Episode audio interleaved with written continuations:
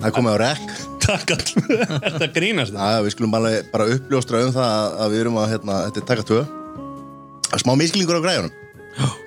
Og hérna, Takk nema hann sá það verðinum hann. Já, og svo hérna er ég með fulla munnin af poppi af Því að við erum í Nú Sirius Studio podcastöðurna Mhm. Þetta er nýja pipar poppi, er bara ekkit engi pipar á svo sko. Það ekki, hvað var ég að lesa? Hvað var ég að borða? Bara karmelupop Þetta er, ka- þetta er sumar, nei hérna, popsmellur með karamelu. Mm Það er ekkit pipar á þessu. Það er ekkert pipar þessu, það er rétt. Ógæðislega gott maður. Ég Bara jafna mig eftir að hafa klikkað á græjum Ég alveg veit það, ert að grínast það Hversu illa líður þið nú? Mjög illa. Er það ekki? Guðmundur Jörgsson, ég byrði aðsökunar á þessu. Já, lítið, fínt að hitta þessu upp. Hérna, Það eru já, konir í alvöru tilfinningar? Já, Ég var líka búin að tala um mér sko Er já, það, með það, er það? Nei, ég held sko Með þetta búningaperra það með það Já, Heyriði, við hérna eins og, Gleimi þessi. Eins og kom fram hérna áðan bakum að þá fórum við á stúfana Já. til þess að grafa upp hérna eh, leyndamál og, og, og hérna e- eitthvað skítugt. Og uh, fórum þá bara til okkar manns í, í Kormungu skildi, stjúra hann hafði enga sögur að segja og, og hérna sagði að það var topp maður og, og hérna við erum komin hingað til þess að leiðrétta það Já. leiðrétta það Þetta var betra í fyrra skiptið sko Já, stjúri er náttúrulega uh, hann er svo allra besti, skilur hann er náttúrulega, hann veit hann er bundin þagnar þannig stólum, sko já, já. Þaggarstólum.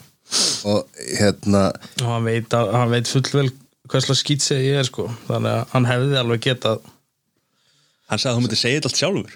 Já, það er þetta er Við erum bara aðeins að svona Það Gefa þessu, gefa það karmelupop og, og gera þetta í gang sko. Það er alveg rétt, já Ha, Þannig að Já, topp maður að stjúri og hérna, það er ótrúlegt hvað maður þarf að þegja í þessu í þessu, í þessu hotni hann þú veist, það er bara það er ekkert sagt sko. Maður er aldrei að veða henni upp úr hann sko. Nei, emmitt en hann er alltaf til að hlusta sko Já, ég veit það Þetta er náttúrulega miklu meira en klipping, sko Já. við erum þrýr sem fyrir saman sko Já, uh, og tveir af okkur er ekki með rosa mikið hár sko nei, þannig að fyrir saman í kli- klippingu sko sem er alveg gali sko ég kemst aldrei að hjá honum Nei. þess að ég er aldrei með bókaðan tíma sko. en ég mæti alltaf stjúri er alltaf, hann er meðvirkur sko. og ég mikið góður þannig ég mæti alltaf bara með kolpaugun þegar ég er, og helst klippi ég mig sjálfur hann er svona mjög slítir rosa ill út sko. Þá treður hann mér inn sko. og svo suða ég um að eins og ég segi hann bara verður til að dutta þessi hárun á mig sko. þá þarf maður smá nutt sko, hárun Herri, við erum að prófa það. Já. Þetta er Dutta í hárunu já, sérstaklega frá honum sko. Já, það. Svo, smiðs hendur sko. Ég veit, þetta er krumlu sko. Þegar hann var í játnabindingunum hann, beig, hann var ekki svona beigju, en hann bara beigði þetta sjálfur. Já, ég veit það. Lítið mál Pæli líka, ég hef oft sagt það Pæli að vera svona, þú veist, skilur, hann er bara ég veit ekki hvað hann er, 130 kíló eitthvað. Og hann bara, þú veist þetta er bara fallegstu 130 kíló sem ég sé sko. Já, Þú veist, að fitna svona vel sko.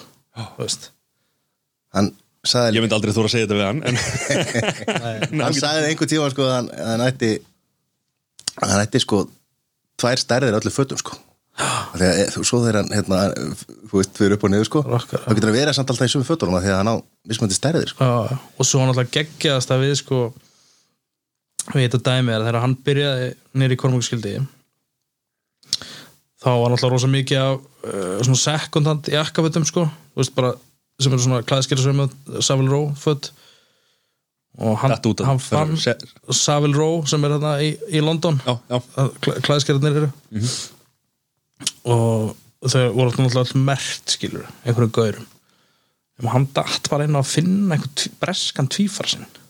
Stjúri sko. Já, sem hefur verið svona agalega fallega skrokk líka. Og stjúra bara hellinga jakkvæðin, það var bara allt dánabúið þessu gaur. Bara sé- sér sem jakkvæðin að stjúra frá einhverjum, einhverjum sko loftskeita flugmanni bara frá Breitlandi sko. Og ég bara raunverulega þurfti ekki neitt að breyta þetta bara smell passa á hann sko. Þannig að hann á bara ógeðslega mikið einhverju geggjöðum þrípís jakkvæðum sem eitthvað tvífara hann út í Breitlandi Pöstu með, með á sig. Já, hann var búin að finna einhverju upplýsingar um hann að gaur sko allt. Ég er að Það kemur hann í ekki óvart sko. Algjör grú- grúskari maður. fá skilabóða handa frá honum eða? já, pottið sko. Herri, já, við hérna, ég ætlaði líka, líka, líka að nefna það. að þegar við vorum að tala um aðan trúnaðin sem að, að, því að það sem gerist í hotni sko, það er í hotninu og fer, fer aldrei neitt lengra sko. mm. svo he- höfum við lent í því eins og við lentum í háttegin í dag. Að hérna, við vorum eitthvað að fýblast og gantast og eitthvað. Og þá var stjúri bara, nei, ég, ég, ég segi ekki neitt. Við erum að tala um lögmanni minn. Þá hérna, það, hjá glerinu hérna, þú veist, inn í var hann alltaf villi vil og sem er alltaf að stíklast þarna og hérna já ég veit ekki, við hérna ég veit ekki hérna sér sama brandar Þetta er svo vat sko. Kormur og skjöldur selja ekki gút nóg um það. Uh, miðbærin já, og Komst að því á hann að þú væri þaðan? Viðbærum já, ég ólst upp í undræðinum og sagði hverju mitt frá því að ég hef búið tvö ári í Garðabænum. Á hvað aldrei var það? Svona 6-7 ára sko.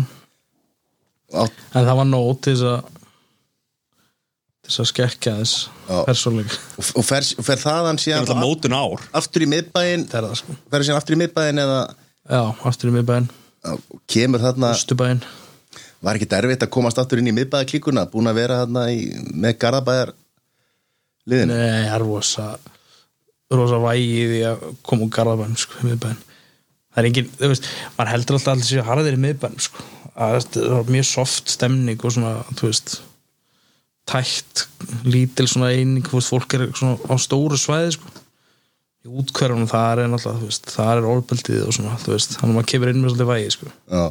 en, ég veit ekki, ég var alltaf skjóð Ofbeldi og þetta dæmi þegar maður er sjóra en varst ekki þetta hérna, voruð þið ekki að hanga á hlem og þú veist lækjaguttu og eitthvað svona eða? Nei, maður var rosa mikið hann upp í Östubæðskóla uh, Það var svona svolítið sentrið og ég held að sé það en það sko.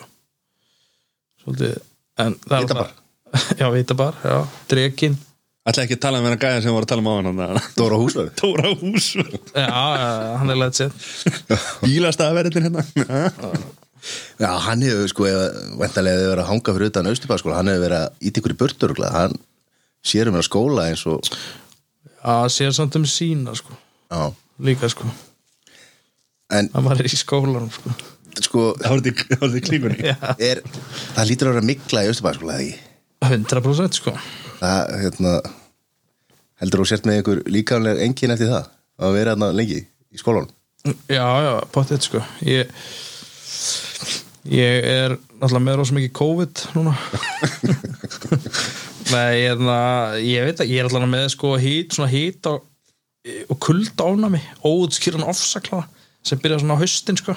Getur, sem, það kemur auðvitað þaðan sko. Skriðan það á Östubæð skóla Hvað er það kláða? Það fæði svona kláða kost skilji Þegar fínt á sumrin svo bara er að hít, hitin fyrir að rokka sko. Sérstaklega svona haustin að jaðartíma, haust haustin og vorin þá er ég bara frá sko, í kláðakast En ég lægi á vetunar og sumrin að nei, veist, það er bara toppmál á sumrin finn ekkert fyrir því. En svo leiðar svona rokka hittast inn maður fyrir inn úr kulda eða, hefst, inn, inn í hitta úr kulda og, og ég trú ekki sem að tala um það sko. þetta er ríkald sko.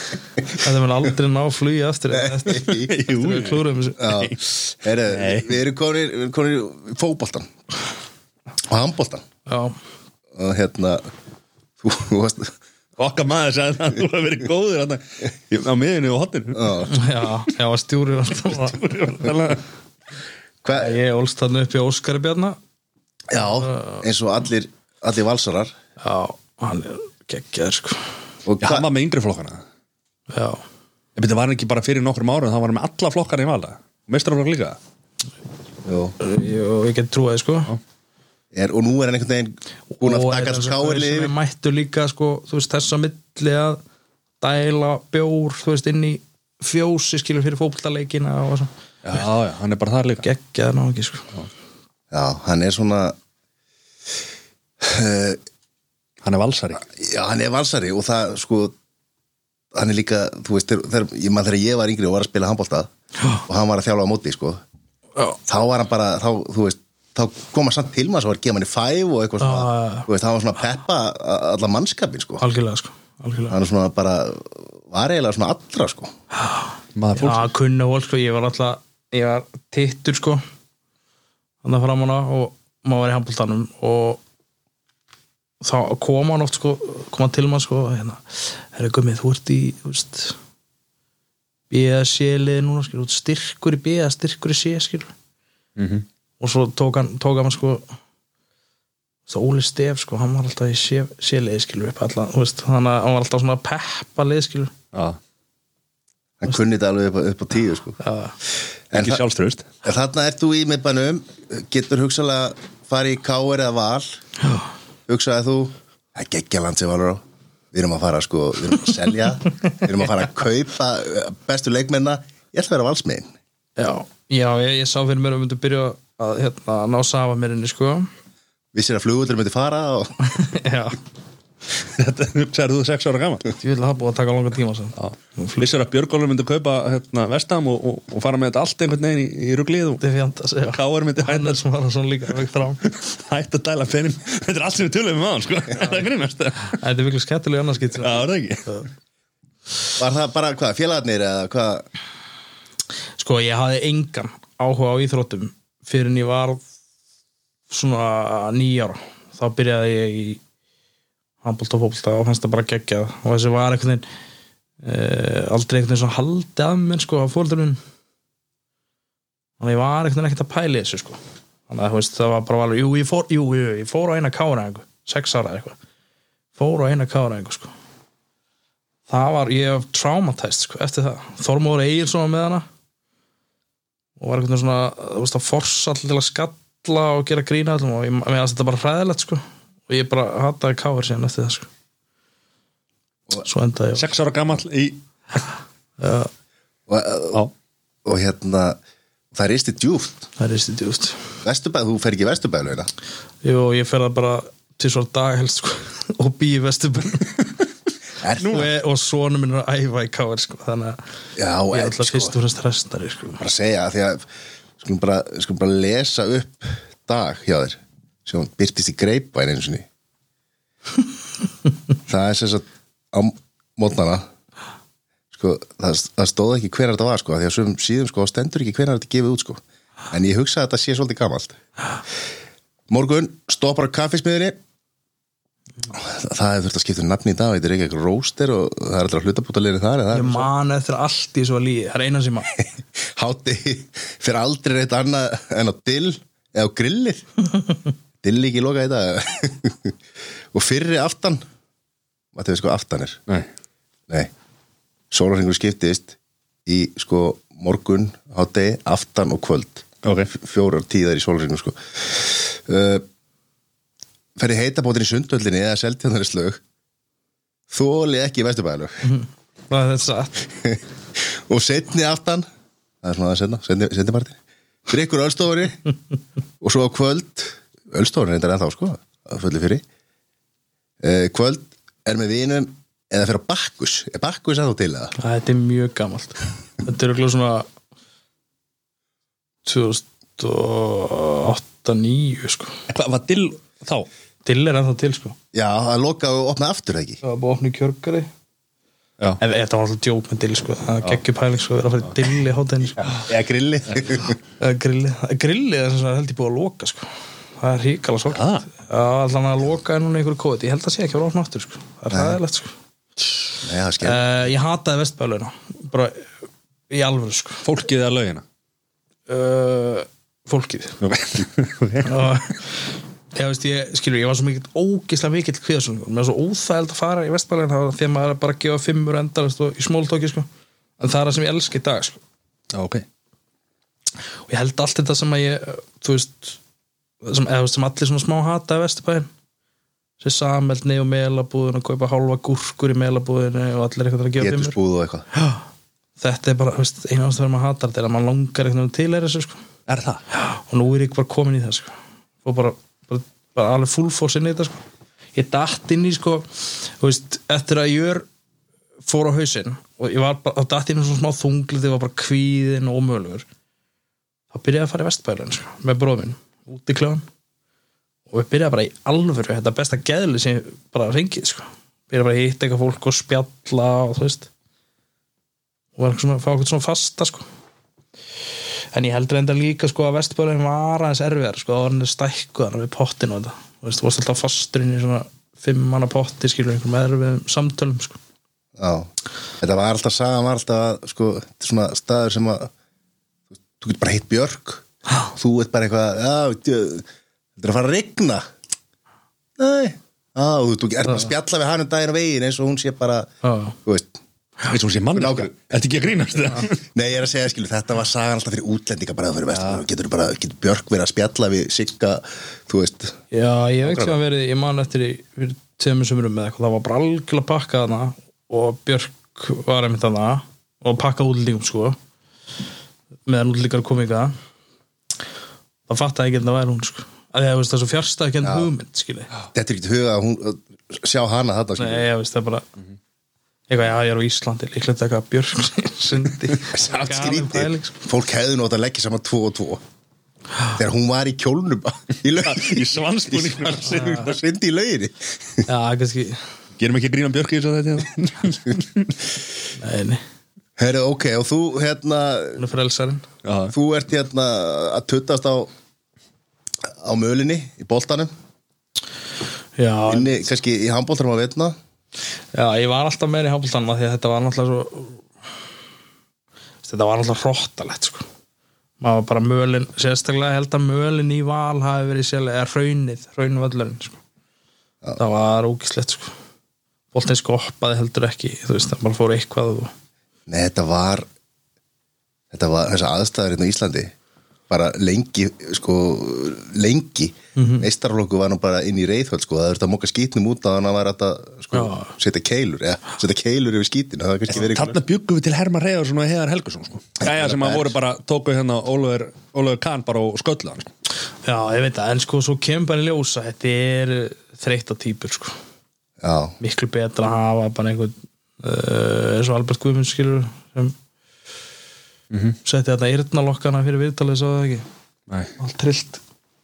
Hann var þar í viðtalið til leikundaginn og Frank de Boer var eitthvað trilltur að drullegur hann sko af því að hann veist, fór í treyin og setti eyrnalokka. Ég er áður hann í viðtalið sko. ég fíla þetta sko. Veist, þetta er miklu, veist, það er miklu erfiðar að vera eitthvað svona skilur veist, það er miklu erfiðar að popstjarn heldur en rockstjarn sko. Og svo það auðvitað að herma reyða skilur vera alltaf öskra eitthvað sko það er eitthvað nagli. Betra að vera slass heldur en, heldur en Justin Bieber. Það er já. Miklu auðvitað sko. Að nagli sko. Já, ég er það er að vera bíberinn sko. Þetta er hérna þetta er bara hluta af þessu hluta af þessu í dag þar sem að þú þarft líka að vera einhvers konar social media stjarnar meðfram því að vera fótballtamaður af því að það er peninga, þú veist, það eru stóra tekju sko. Já, já, einmitt.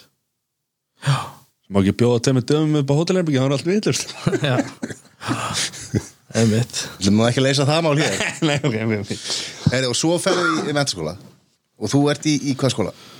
Vantarlega MH ég komst inn í MH, já. Og en var nú bara þar stutt eitt og allt ár. Það var saga var nú ég hef verið rekin sko, en það er ekki rétt sko. Já, sagan var, sagan var. Nokkur vikum eftir ég hætti uh, að ég hefði frétt að Lalli rektor væri að koma að leita mér í MH til þess að koma að reka mig ég mætti svo illa sko. Ég hefði hlaupið upp á skrifstof undan honum og sagt mig úr skólan áður en hann að reka mig sko. Uh, Það er ljón það er ekki eða ekki saga sko en það er ekki satt sko. Það er ekki satt sko. Uh, ég bara hætti og fór þá í mennskóla hraðbrödd þaðan var ég hins vegar reikin aftur fyrir leila mætingu. Þannig ég kláraði aldrei mennskóla En var það ekki desen þegar þú fer í listaháskólan? Jú. Það stóð inntöku skilur sko. Það eru gerað undan þá í listaskóm, það stóð ef að nefandi síndi sko framúrskarandi hæfileika. Eða svona, bara eins og ég væri- svona undrabatt sko, þá myndi ég geta komast inn. Og hérna og ég komst inn. Og ég var það ekki sko. Ég bara sko bara geti sínt ykkur með öppuna sko, það er bara eins og eitthvað 12 ára batn hafi gert það sko. Bara í alvöru sko. Ég er ekki reyna að hófa sko. Þetta var bara, veist var mjög slemt sko. En þú veist það voru bara ekki kaurar skilur að sækjum fatta þannig ég það var gaman að fá eitt svona. Og hérna, þannig ég komst inn. Hvenær byrjaði þessi tísku áhugi og, og svona hérna? Uh, by- byrjaði í rauninni mjög seint sko uh, ég hef í rauninni kannski ekki endilega haft eitthvað svona rosa tísku áhuga. Að byrjaði eitthvað veginn svona þú veist ég var náttúrulega uh, sem krakki í eitthvað svona búningadæmi sko. Búningaperri ekki hvort þessi múin að tala um þetta eða, eða á það sko en Nei, þá meina ég svona, þú veist, skilur ég átti bara eitthvað Peter Pan búning og eitthvað svona, skilur. Varst að setja á einhverja saman eða, eða varstu ég var bara úr það mikið í svona einhverjum öðrum heimi sko. oft sko að búa til eitthvað svona veist, og það er svolítið sem þetta snýst um skilur að fatta henni skilur, mann að búa til eitthvað svona heim skilur.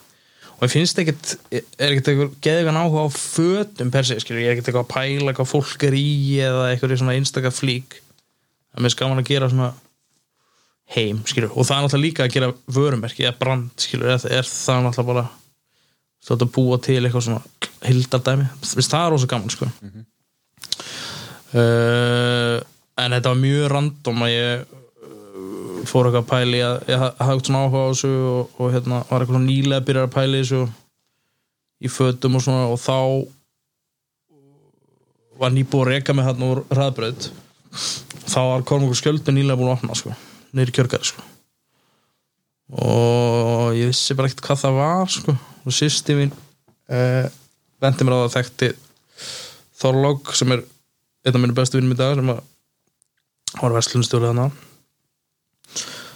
og ég var ráðinn hana 19 ára gammal 18-19 ára varstu að leita vinnu eða varst, var, bara Kristín sá bara að þú varst reikin á skólan Já, það átti svona að koma mér í einhverja vinnu skilur, ég var ekki að leita. Ég hefði kannski átt að vera að leita.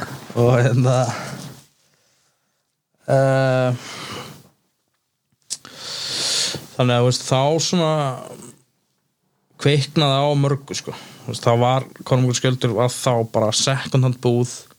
Þeir keiftu verslun í Breitlandi uh, sem, sem eru bara voru klæðiskir sem í jakkafett svona second hand dót og fluttu til Íslands veist, eftir að hafa lokað í nokkur ár hérna, frá því voru skólaðstingum þannig að þetta var svona allt einu orðið svona mjög brest dæmi. Sem þróaðist síðan og við fengum að þróa skilur, við læriðum alltaf ógislega mikið að vera þar.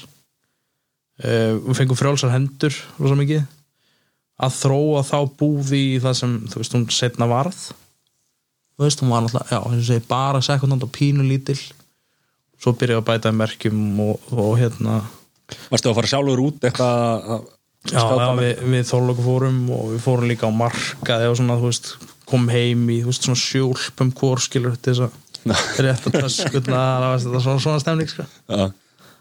uh, bara í, í sko 25 stegi hitta sko. Já. og bara sturla sko. ég verið svona alveg alvöru- síðan svona rauðum rauðum frakka alvöru smiklarar Já. Og hérna e, svo já, heimitt svo, svo er þetta náttúrulega bara einhvern veginn allt annað dæmi í dag sko. En auga, er, ertu með auga fyrir bara einhver svona hvernig getur eitthvað útskýrt það? Hvernig þú, þú ert að fara á svona markað og það bara, herri, já, þetta er cool, ég ætla að kaupa þetta og, veist, Já, mér finnst það rosa öll sko. og mér finnst bara skemmtilegt sem ég gerir bara að fara í rauðakrossin eða eitthvað svona. Þá get ég bara trrr, alveg svona strolla í kringu það sko. -hmm. svo ég er oft líka svo skrítið með svona, það er oft svona sko, ég held, þú veist ég hef satt, veist, að svona fatahnar dæmi og eitthvað svona tískudæmi er náttúrulega líka óslega mikið svona húmor, skilur þetta er oft eitthvað svona sem er sem hann finnst bara svolítið fyndi, skilur eða það er eitthvað svona kjafta eða pínu skrítið eða eitthvað. Og svona tískudæmi, það er kannski ekki endilega sem maður myndi veri, skilur og tískan í dag er náttúrulega mjög mikið þannig, sko. Þú veist, hérna hver er tískaninn það? allt, þetta Gucci rappara 90s dæmi, sko. Já, já. Þú veist, og allt svona rosa mikið ruggli eitthvað. Þannig að kannski kemur núna alvarleiki aftur sko. Já, þetta er náttúrulega, náttúrulega búin að breytast síðan sí- síðan þú varst uh, hérna Kormungur skildi 19 ára. Því þetta er náttúrulega búið að vera þvílíka breytingar. Já, já, og þarna er vantarlega tímabilið þá sko skoppara tískan búin eða ekki, er hún ekki að líða undir lok.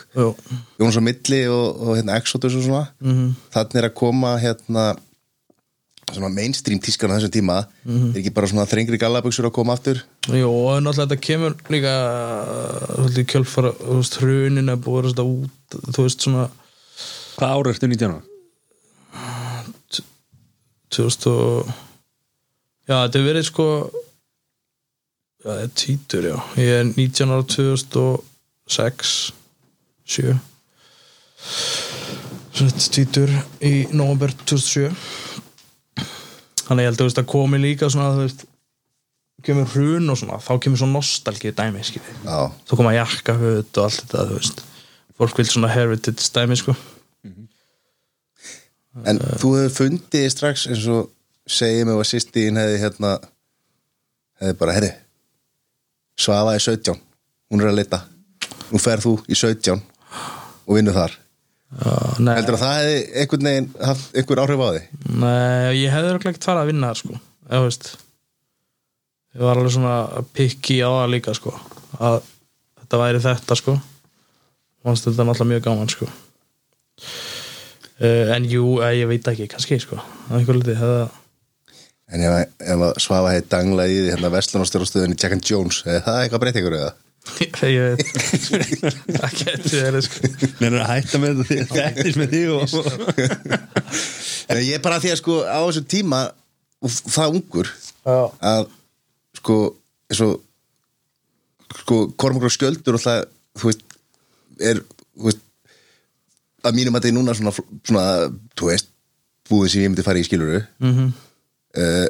en ég var ekki að hugsa um það fyrir tíu ára síðan sko Nei, sko, þegar ég var að byrja þarna og maður var að byrja, maður var að byrja bara vaskreitur og eitthvað, bara greiða svo hárið maður var bara eins og maður var með trúðarnef sko, í alvöru sko eða með hatt eða eitthvað, það var bara grýttur sko, þú fórst á djammið með hatt eða eitthvað bara allir að rífi þetta að þér og mm -hmm. í alvöru, maður mað gleymir hvað það búið að breyta svo mikið á tíðarum sko.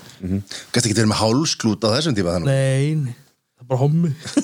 Eitthvað svona stemning sko. En hvernig var hérna og má ekki svo segja þetta veist, sko. á Við bípum þetta út. samt á þessum tíma Kormakur og Skjöldur eru náttúrulega bara rockstjörnur. Var ekkit hérna þú veist og þú ert farin að voru þeir ekkit, var ekkit svona kannski mikið pressa að vinna undir svona stórum karakterum? Nei, það var bara mjög þeir eru náttúrulega bara ríkala skemmtilegir og þægilegur sko. Og það sem var þægilt við þetta held ég er að þeir eru náttúrulega bara með var alltaf, og Dómó líka veit ekki hvað staðan á sín tíma. Þannig að þetta var bara eitthvað svona algjört auka sko. þannig að fengum, þú veist En var það ekki, ást, var það ekki um þetta jákað að þið fengur, fengur frálsar hendur og voru að gera það sem að þið höldu vera sko, best og, og algjörlega sko. Við getum lærdóma fyrir Hvað og er- líka, ég menna hann alltaf eins og, og skjöldur sagði um mig og Þorlák sko og fleiri sem voru að vinna þetta sko það, bara, veist, það er alltaf ríkalegt að við sem að reyka Ölstofun og herfatvaslan á herfatvaslan sem drikkveldari sko. Sparið sko. Veist, þannig að það var svona ruggla á okkur og svona líka. Uh, op, það var bara opnaði 12 og, og hérna, reikning á Ölstofun og svona. Já, lau- launin fóru fyrst í að gera upp, gera upp hérna reikningin Já, já. á allstofunni Já, en þetta var náttúrulega þetta gullæf sko. maður bara jakkaði þetta málstofan já. En hérna uh, jú, það var náttúrulega bara það var bara stórkslegt að, að vinna að þeim sko. og hérna og bara gaman, náttúrulega ríkilega skemmtileg menn sko. hvenær, hvenær, hvenær kemur stjúri inn? Stjúri kom sko, búðin var uppalega en var ímynd sem var að kemur að þeim að súla þetta móti afgjörsluborinu Já, fólk minna þessu, búðin náði þangað uppalega frá var bara pínlítil sko. Og fyrir innan var samt svona bara lag, basically lager af sekundandóti og, og búningalega og eitthvað fyrir innan líka. Þar hefur búningaperrin hann er búin, hann var maður að þukla á þefa einhverju sko. Góðum jakka veitum. og hérna uh, svo var þetta stækka einhverju tímbúti 2008 eða eitthvað nýju alltaf nýju var þá að byrja að læra lista sko. þá var þetta stækka uh, bara þú veist þrefald eða eitthvað stærð sko. Og þá kom, kemur upp svo hugmynd frá ég held að Þorlákur er átt svo hugmynd. Hann var Vestlundstóri uh, já, allavega eitthvað sem við Þorlákur tölum, ég held sér hugmynd frá hann að hérna setja rakara stólinn. Við tölum við Jón alltaf uh, Helgason. Og nú aðalga henni bænum þá. Hún er í kaupmaröfn núna til lengi. Rakari, já. Já, sexy laser hérna. Og, og fyrirrandi hérna máu minn. Já. og uh, með að koma inn. Og hann kynur okkur strax fyrir stjúra þeir eru verið saman þarna, á, með gél Já, á uh, þannig að þeir og stjúri kemur svona aðalinn og Jón allir var hann líka í mörg ár. Svona aukalega, hann var ekki að klippa eins mikið hann var líka bara mikið í tónlist og eitthvað svona. Og stjúri náttúrulega fittaði rosa vel að inn sko. Og alltaf rosa mikil stemning í kringum þetta. Að hérna hafa hann þarna og þetta rakarátt sko. Mm. traffík og svona. Það er mitt að ljóstraði upp sem að ég veit ekki hvort að því hafi verið ljóstraði upp sko Logoð okkar.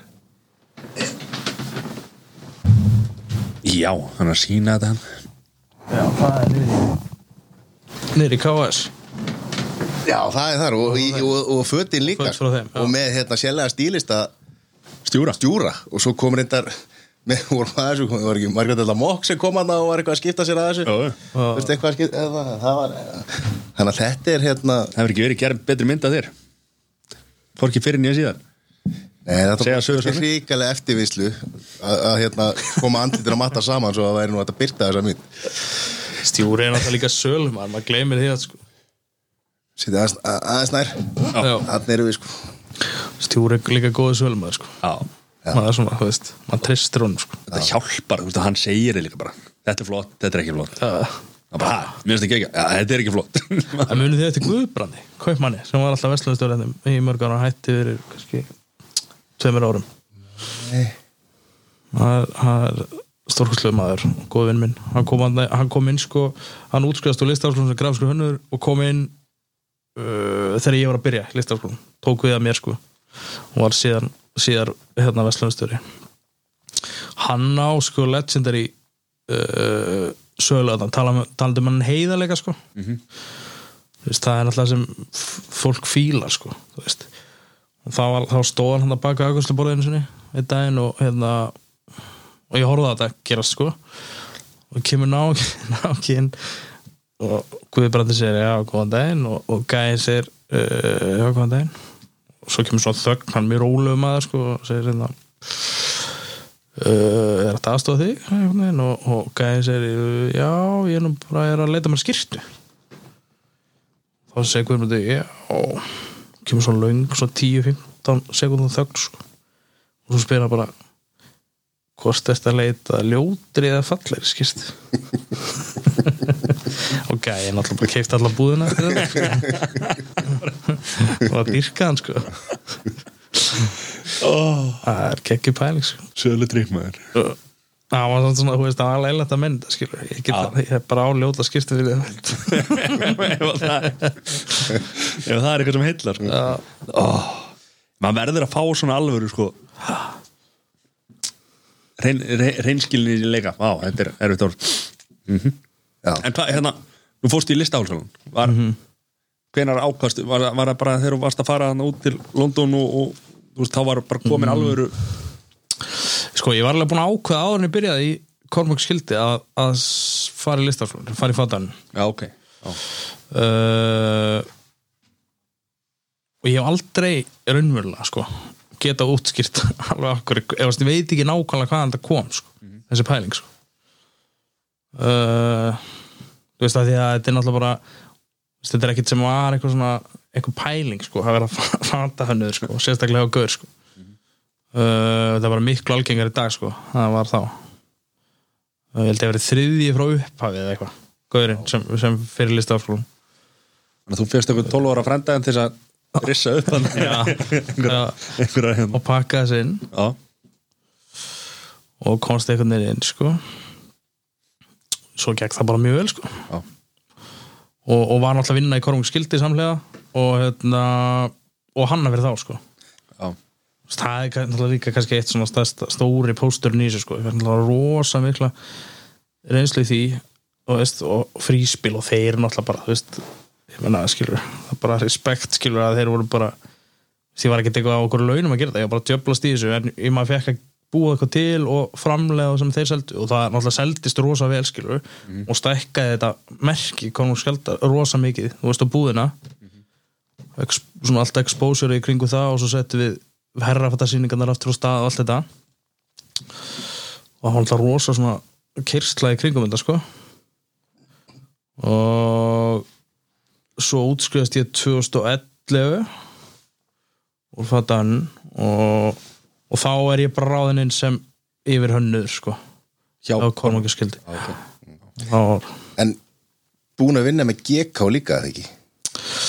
í, það átt að gerast. Það var aldrei neitt úr því sko. Ég var ráðinn inn uh, og það var svona smá spenna yfir því sko.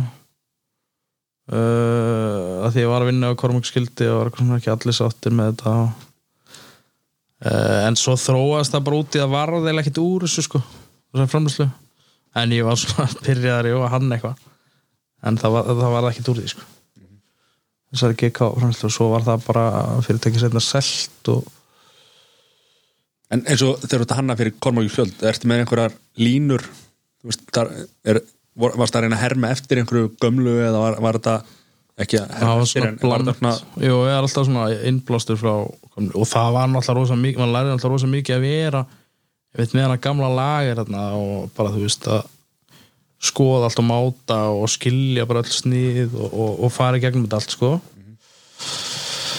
Þannig að líkur svona mjög beint við mér alltaf að þess að herra fatnar dót sko, minnst það rosa auðvelt að þú veist, gera það allt og bara þú veist, að vera bara líka bara að klæða upp gaur að vera að vinna í svona afgræslu lengi sko, maður læri náttúrulega rosa mikið að því sko. Uh, og svo veitu hvað var spurningin bara skengja Nei, þú veist, hérna, já, hvernig hönnurinn á fötunum, þú veist, hvað hvaða, hérna, í hvað stage setur þið, skilja, hvað, Já, hvað hérna, einmitt, það var svona uh, þú veist, maður er alltaf að reyna þú veist eins og það er bara svo mjög skýrt að maður er að taka eitthvað svona gamalt heritage skilur en, en gera það samt alveg nýstarlegt og setja inn eitthvað svona nýtt í það sko. Uh, og svo var ég svona að byrja að þróa það alltaf að taka það svona ennþá lengra þú veist, að vera svona meira fashion dæmi sko. Uh, 2012 og var að vinna í línu. Nú kemur gott leyndamál sko. uh, og það er konur hugmyndir að fara með merki út og eitthvað svona, þú veist. Svona bara gretta í loftinu sko. Og í búningabæranum. Og hérna uh, og þá kemur inn í myndina kynnist ég gæði sem þetta Gunnar Rut Petersen sem er minn besti vinnur í dag uh, lögfræðingur. Og uh, við kynnumst í gegnum uh, veiði og hérna Átna Vil hérna tónlistamann og söngura FM Belfast sem var að vinna niður í Kormúkskildi á, við erum góða vinnir og þeir eru æsku vinnir og hérna uh, og ég vil fá hann við tengjum svona strax svo mikið þessu pælingum og ég vil eitthvað svona uh, fá hann með mér veist, ég var alltaf bara, ég þarf eitthvað partner sko, business partner skilur veist. ég var bara einn í þessu með Kormúk Skjölda vatamerkið. Þeir kom náttúrulega með þú veist, maður fengið svona pening til að starta því og svona, fyrir framslu en svo vantaði einhvern svona í veist, með í þetta sko, þetta er náttúrulega styrli vinna sko en maður ætlar að gera þetta svona full force og hérna uh, og það kemur upp þessi hugmynd sko að við ætlum að finna fá fjárfest í þetta og stekka þetta með að það er huga frá út sko og við Gunnar Örn og er þetta ennþá Kormáki skjálda línan? já, já. og hérna og þarna samlega er ég að vinna í sér sagt línu sumarlínu 2013 á, til þess að sína og hérna það sem átti að breyta svolítið mikið vera svona miklu, talast meira svona fashion dæmi sko. og hérna svo erum við bara búin að gera eitthvað rosa eitthvað business plan og svona á leggjum fyrir kormókskjöld og, og þá kemur svo eða bara ljós að þeir eru eitthvað það, þú veist viljið þið ekki bara starta eitthvað reyði eða? Er um skilur, við erum bara rólegir hérna, við erum ekkert eitthvað græðir eitthvað útrá sko. Já. Þú veist, þau eru bara sáttir sko, að gera sitt sko. og, og, ég, og mér fannst það svona erfitt að hugsa til þess að ég var búin að vera að djöfla svo lengi í þessu korm og skjaldadæmi þú veist, og ofta er maður bara eitthvað svona áinn eitthvað svona, veist, en ég sá kannski fyrir mér á einhverju tímbúti að, að stopna í, þú veist, fatamerki þannig að þetta eskilerast bara á sko einhverjum dögum sko það var bara það var þrjár vikur í sýningu korm og skjaldasýninguna þegar bara jör verið til og bara þessi lína er í bröndu sko. Já, ok. Og bara, þú veist, og bara, bara hvað þetta heita bara jör, guð jör, er það ekki skára, skilur eitthvað? Já, þannig að, hérna, veist, sem er úslega að mörgulegt þægilegt, sko, þú veist, og það er bara búið til logo og eitthvað svona, veist, bara nokkur dögum og eitthvað promo. Ekki ofhugsa heldur bara já, vinna. og svo, en svo gerðist það alltaf bara ógeðslega hratt, sko, þú veist að, hérna, og stækkaði ógeðslega hratt þannig að maður var alltaf bara svona, þú veist, svona týndur, sko, að eða svona elda raskat að sjálfu sér, sko Notar þá sömu Þetta er bara hönnunin sem þú gerðir ætlar að gera kormungu skjöld, notar allt í jöri línuna þá eða já, en þú veist það pælir ekki nýði í dag þetta sé eitthvað svona með þú alveg komur skjaldalegt sko. þetta er svona mikið pastellitur og svona allt öðruvísi sko. Þú ætlaði náttúrulega að sprengja út frá normunum sem varst búin að vera að gera hjá já, já, Kormáka þannig já að það átti svona að fara í aðra átt sko. Og svo kom, það er svona kallaði oft sko, fyrst næsta lína skilur sem var herra og dömu næsta jör lína sérst það er alltaf fyrir mér svona fyrsta Já. jör línan skilur já. Hitt er vintage hitt er svona kormúrskjald svona smá bastar sko. Já, Já, þannig að þetta bara svona skil, þróaðist bara hérna heldur að heldur að hefðir náttúrulega þú ætlaðir að fara og gera þitt eigið merki. Mhm. ef að þetta hefði ekki svona kannski gert svona hratt og, og svona kannski þú veist uh, svona að- eiginlega sko af annara manna höndum eins og þeir segja nei, heyrðu, við erum ekki alveg að fara í þetta. Mhm. þú veist, heldur að þú hefði látið þá verða að þessu ef að ef þú bara haldið áfram með kormaki skildi? Já, ég held það nú sko. Þetta voru það sterkir drömmar eða sem sagt, já, já sko það sem við vorum líka búin að lendi í, við vorum að tala ykkur fjárfesta og fólk skilur og ráðgjá og svona og það allir bara, hérna, okkur stopnið ekki bara eigin merki Þú veist, og maður svo upptökin að ja, þú veist, kormungu sköldu væri. Þú veist var ekki þetta að fara út fyrir maður búin að byggja eitthvað já, þú veist. Og en svo, en svo var líka alltaf bara þú veist, léttir í að þeir sögðu bara straka viljið þið ekki bara gera ykkar? Þú veist, varst maður er, eh, maður ekki verið eitthvað að, þú veist, að beila á því skilur já, Já, gert með svona þeirra samþý já, já, já, já við hefum alltaf bara verið þú veist, mjög góða vinnir eftir þetta og, og náttúrulega bara unnið saman að mörgum sko, þú Seldur fyrstu jörlínuna í kormungu skildi eða? hann stóð til uppalega, þú veist. Svo náttúrulega bara breytist það á nokkur mánum og var komið yfir að við opnuðum bara það er ísa verslun Hvernig er það? Fara, allt í einu að fara þú veist, eitt að hanna fötin og, og fara að selja þau en svo er þetta bara að koma með einhverja sala búð og, og allt að gerast. Já, þetta er náttúrulega sko, veist, uppalega var þetta bara ok, við, veist, við sel, gerum okkur línu við fáum að selja hana að þeim eitthvað, hvað skilur. Svo bara gerist það svo bara sínum við þessa línu. Eða sko áður við sínum þessa línu veist, ég, settum, ég man að setja bara póster á stað sem var andlismynda mér með svona ynglirni og síkarettu og ég er merkinu sko fyrir eða? Já. Í dag hefur allt verið vittlust eins og það með sígarettu já, já, já. og hérna það var bara, það er ekki, hann er ekki búin að sjá flík og það var bara komið svo mikið hæp sko. fólk var bara svo til í þetta skilur og hérna og svo náttúrulega var opnum búin við vorum bara stóðum að það uh, í júli sko, opnum við ap, miðan april stóðum að það bara í loki júli og bara búið hann bara tóm sko. Og veist og strax í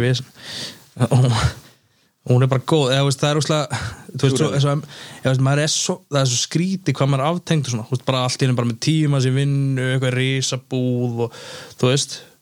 Og, maður, og þetta er bara alveg eins og maður sé að fara eða veist, bara mæta nýri kjall, allt sem er skríti venst bara, umsjálast Þetta var bara óunætt success að því að Já, bara, þú veist, þegar þú byrtist þarna á þessum tíma Mhm. þá bara verður household name bara strax. Þetta, en líka því að veist, þetta, veist, fólk er bara svo til í þetta skil, það hefur aldrei verið eitthvað svona eitthvað veist, ég, meni, ég er ekki að segja að að margt annað er gott í þessu heldur en eitthvað að bara vera eitthvað fyrsta dæmið, skilur já, fyrsta svona, ég meina þú veist Nikita og þau voru með eh, allt, öðru, allt annað konsept, var það ekki? Jú, jú, jú, svona, útistar og já, og eitthvað svona bretta dæmi, sko, þetta kemur bara svona bara herra lína. Já, já. og svo bara sem þróast mjög fljótið að vera bara uh, ég held bara að mörgulegt er kannski fyrsta íslenska brandi sem bara, með, sem bara fullblón merki sko. sem er bara alla vörulina herra og dömu veist, og seasonal. Varst þú að hann allar allar vörurnar eða hvernig nei, ég meina, ég var svona bara starfaðir hennu svolítið svo yfirhönnur svo voru hönnuðir að vinna. Þú veist, það var náttúrulega bara, það sem er búðina svo, svo 250 fermetrar eða eitthvað svo þar fyrir neðan í afstórt rými sko, sem var lagar og skrifstofur og klæðskerar og hönnuðir að vinna mm -hmm. það er alltaf svona pínu leiðilt að fólk, þú veist, fatta það ekki skilur Já. þú veist að væri svona, þú veist hvað það væri stórt skilur og, og mikið fólki að vinna að þessu það verið gaman svona, það, það hefði verið svona meira svona transparent sko. Trans og glergólf, já, ég hugsa þetta Já, og hérna en þá hefði náttúrulega komist upp að ég var alltaf bara að skrolla á Facebook sko. En það er hægt að vera með svona skjá, þú veist. Já, Stakar skjá, þannig að það sitt alltaf hann eitthvað í- í hérna. Já, var, Ég er með vinni á mér, sko Það er svo alltaf geðtilega, sko. Það var ekki séum, sko. Var svo, svo var það svolítið eins og eiga bann það er bara uh, lang, oft sko ekki svo mikið. Þetta var ekki bara eiginlega 24 hour vinna? Jú, þetta var, jú, algjörlega sko. Uh, og svo hætti náttúrulega Gunnaröld sko, ég vorum tveir í þessu. Er rosa munur að tveir sko Þú veist, ég er bara að deila ákjum og geta að tala eitthvað og uh, svo bara æxlaðist þannig að kom bara inn fjárfestar og hann svona viku frá sko. Og, og, og á endanum veist, var þetta bara orðið svo mikið stress og svo mikið svona lúms skilur af því að með svo mikið fólki þeir skilur veist. Það er bara og svo einhvern veginn það var að læra þú veist, maður meðvirkur og stektur og þetta er bara vini manns og þú veist. Svo komum við eitthvað vandamál það Já, taka því og já. þá getur það ekki að þetta eru góða vinnuðinn og þá já. Og þetta er náttúrulega skrítið og, og sérstaklega er þetta að gera svona rætt og náttúrulega mjög dýrt að stækka svona rætt sko. það var þú veist, það sem við stóðum allir fram við var bara eitthvað herri, já, gengur bara svo vel að hérna, við hefum ekki pening til að koma meiri vöru sko, veist. Og bara ógislega erfitt að fjármagna það og svona, Hvernig, hvernig gerur það og hvernig áttur við það? Eða hvernig við náttúrulega, maður var náttúrulega bara þú veist þú veist að tímabili voru við skilur bara, við vorum að tala við fjárfesta og reyna að fá meiri fjármögn tala við bankana og þú veist og svo bara yfir í að tala við, þú veist fólk sem stendur manni nærri sko.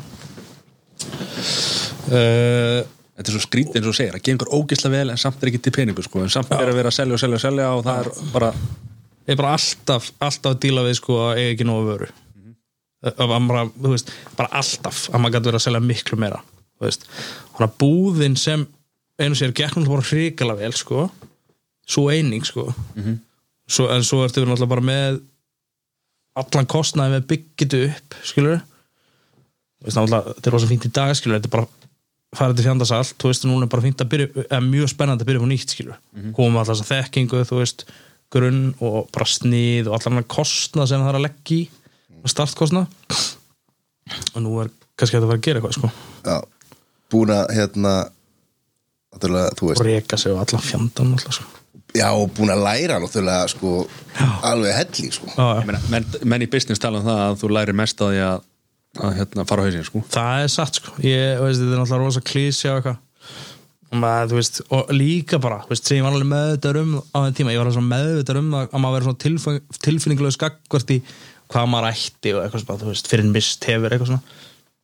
Það er bara þannig skilur. Og ég var alltaf meðvitað um það bara, þú veist, ég minn aldrei kunna raunverulega meta það skilur hann maður sé bara með það tíu manns í vinnu og þú veist alltaf eitthvað maður vera og allt svo frábært og spennandi sko. Fyrir það bara eitthvað veist, er það sko. Já. En hvernig er að gáði gegnum svona uh, bara missa fyrirtæki í fjölmjölum og þú veist, þetta, sé, þetta var náttúrulega það var náttúrulega út um allt og þetta var ekkit Já, það var mjög rétt sko. Ég var náttúrulega, veist, mér er svolítið svona að það var svo erfitt að meta, ég var kom, byrjaðar sko var greindur með ADHD uh, hef fór í greiningu og greindur með það. Uh, og byrjaði á rítalni byrjaði bara að byrja það eins og engi verið morgundagurinn. Þannig að svona síðasta árið er þetta alltaf eða, já, árið árið febbar svona í steik sko. Þannig ég Hva- komin í eitthvað svona borderline bara sko, eða bara eitthvað svona orðin bara manísk sko, þetta er að sofa og, og veist, þannig að veist, þegar einhvern veginn þetta fór til fjandans er svo erfitt að meta sko, mér er erfitt að meta í fyrsta lagi hvort, hvort það hefði gerst ef ég ekki verið í þessu ástandi. Uh, og hvernig hefði raunverulega höndlað það í betra jafnvægi sko, veist, að því ég var bara svona líkamlega bara, þú veist bara alveg búin að grilla mig sko. Og David Þú veist, ég, var bara, ég var bara í neyslu skiljið, þú veist. Bara, þú veist, þetta er bara eiginlega örglega eins og bara að vera spýtneslu sko. og náttúrulega líka bara langvarandi ála búið að vera lengi sko. Já. og það bara já, já, og bara svona, veist, þetta er náttúrulega bara uh, veist, þetta er náttúrulega bara eh, eins, og- eins og þerapistum minn sagði, sko, veist, það er bara, já, hérna, þú þú veist, þú ert ekkert með aðtilsprest, skilur, það er bara öll einkenni kvíða, eru þau sömu, skilur þú veist, það er bara ógísla kvíðin. Þannig að ég bara greindi með aðtilsprest og svo bara fann maður eitthvað batnaspýtt, skilur og þú veist, eitthvað, læknat og, og þú veist misnóta það vantar eða kannski Já, þetta er alltaf bara stórkostlegt. Og getur bara gert allt skilur og hérna bara ringja í Seppu Frænku sko sem þú ert ekki bara að heyra í fimm ár og þú veist, maður bara veður í allt sko. Veist, allt frá því að ringi fjár þú veist, að veist, að veður í allt. Svo er þetta bara uh, allt í einu verður þetta viðbjöður sko þú veist. Þannig að uh, en ég held líka að það gerist þegar maður er í svona einhverju ástandi þú veist maður missir svona, þú veist, tengsl við skilur, altså mikið af- í svona dóti þegar maður tekur eitthvað ákvæðan út frá einhver svona tilfinningum, maður veit ekkert hvað er rétt skilur, maður er eitthvað já, þetta, þetta, mér lýður þess að þetta sé rétt skilur en er það ekki alltaf þannig? jú, en maður missir, maður missir tengsl við þetta, ég, sko. Já, þegar maður er komin í eitthvað svona ástand sko, mm. veist, ég manlega eftir ég veist, bara eitthvað farið viðraði við sko, Binga, hérna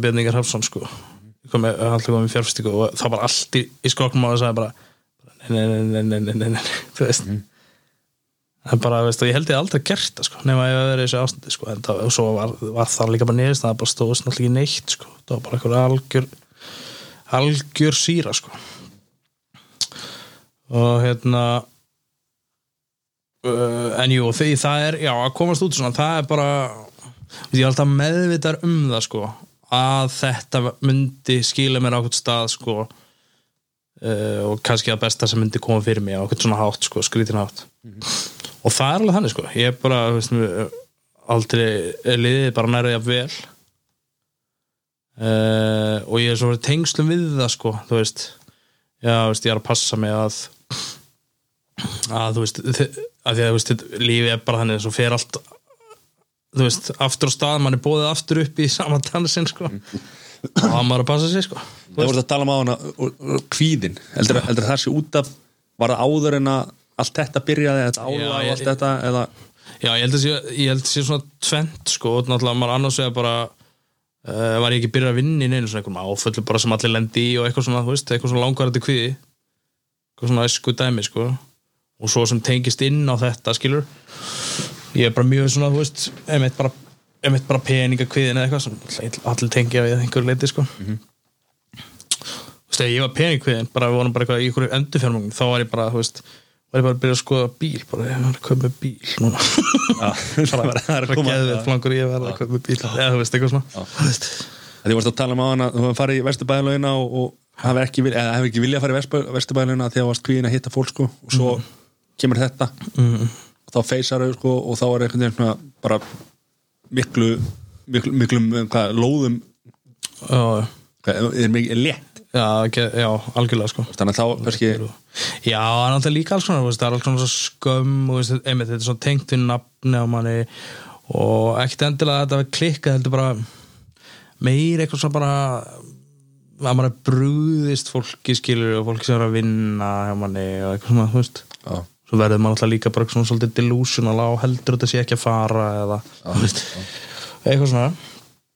En ég held samt að, að því að Mattias sagði á hann að hvernig þetta væri í fjölmjöl og svona mm -hmm. veist, allan mín upplifun á þessu var sko að tengja þig ekki beint við þetta mm -hmm. veist, persónu þína já, já, heldur eins og það sem að kom síðan í, í fjölmjöl og svona þannig að svona einhvern veginn þú veist, mín upplifun var svona að, að þú veist að, að þú bærir litla söki í þessu máli sko já, já, veist, að það voru önnur upp sem að það er samt erfitt þegar maður tengir nafni sitt eins og Jói Fel er að ganga í gegnum núna skilur. það er eitthvað í bakaríinu skilur, og þá er bara alltaf Jói já. mynda honum og það er alltaf þú veist, það er ekki, þetta er ekki, þetta, ekki bakaramestarin eða eitthvað skilur sem er bara svona, veit ekki hver á það þetta heitir þú veist, Jói Fel sko, þá er þetta já, algjörlega sko. Það er, að- það er svolítið mikið þannig sko. Mhm. kostur og galla við þetta. Þetta er þetta allir hver að eiga bakarameistaran eftir hérna Já. fíasko þetta með auglýsinguna þegar við komast á EM já, hann að pabbi kolb En hérna, þú ert líka náttúrubann Þú ert með salmondellu já, Ertu með hvað? Salmondellu Laxadellu wow. Hvernig, ég Við datt þessi hug Salmonellu. Salmonellu, það var helgir Shit, þetta var eitthvað lélega. Getum við klipt þetta út það? Þetta er ríkalegt sko. Við, skulum ekki, við skulum ekki fara í salmondelluna fyrir hérna, ég er með nokkra spurningar hérna, sko. þú veist eins og með tísku sýningar. Mhm. maður er séð einhverja tísku sýningar. Ég hef aldrei séð eitthvað fólk í þessu fötum. Þú veist, það er einhverja þú veist, hvað, ertu með einhverja skoðunar hvaða bull er þetta? Sko, maður er náttúrulega að horfa á þetta um, já, sko, þetta er náttúrulega svolítið misjant Já, já, ég er, ég er að tala með þess að öfga dæmi. eitthvað kjaftaði, Já. sko og dansa með eitthvað hátísku dæmi Hvað þýðir það? uh, hot couture mm. það er mjög fá sko merki sem bara meiga taka þátt í því sko og þá er verið að selja bara kjóla og þú veist, ég veit ekki hvað mikið skilur bara einhverjum 100 miljonir mm. kjól skilur Er einhver sem klæðir þessu? Þú veist, þú ert ekki að fara í fermingavistin í þetta á skilur þú veist, bara eitthvað mjög ríkt fólk skilur sem handar þetta. Já, þeir eru vantarlega búið að breyta starfónum já, það sér sauma sko.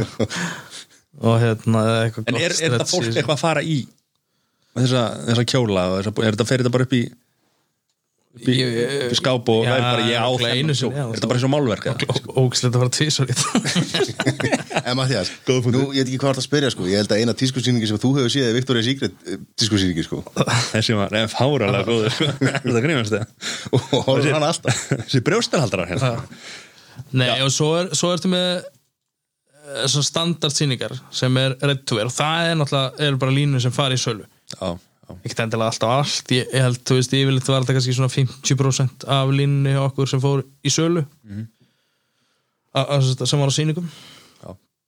og eitthvað sem þróaðist úr því. En sko maður ásand held ég bara aðalega að horfa á þetta sem þú veist, og þetta þróast meir út þá búðir líka sem eins og, eins og bara galleri eða, eða sko bara svona presentation á brandi eða einhverjum heim skilur Mhm.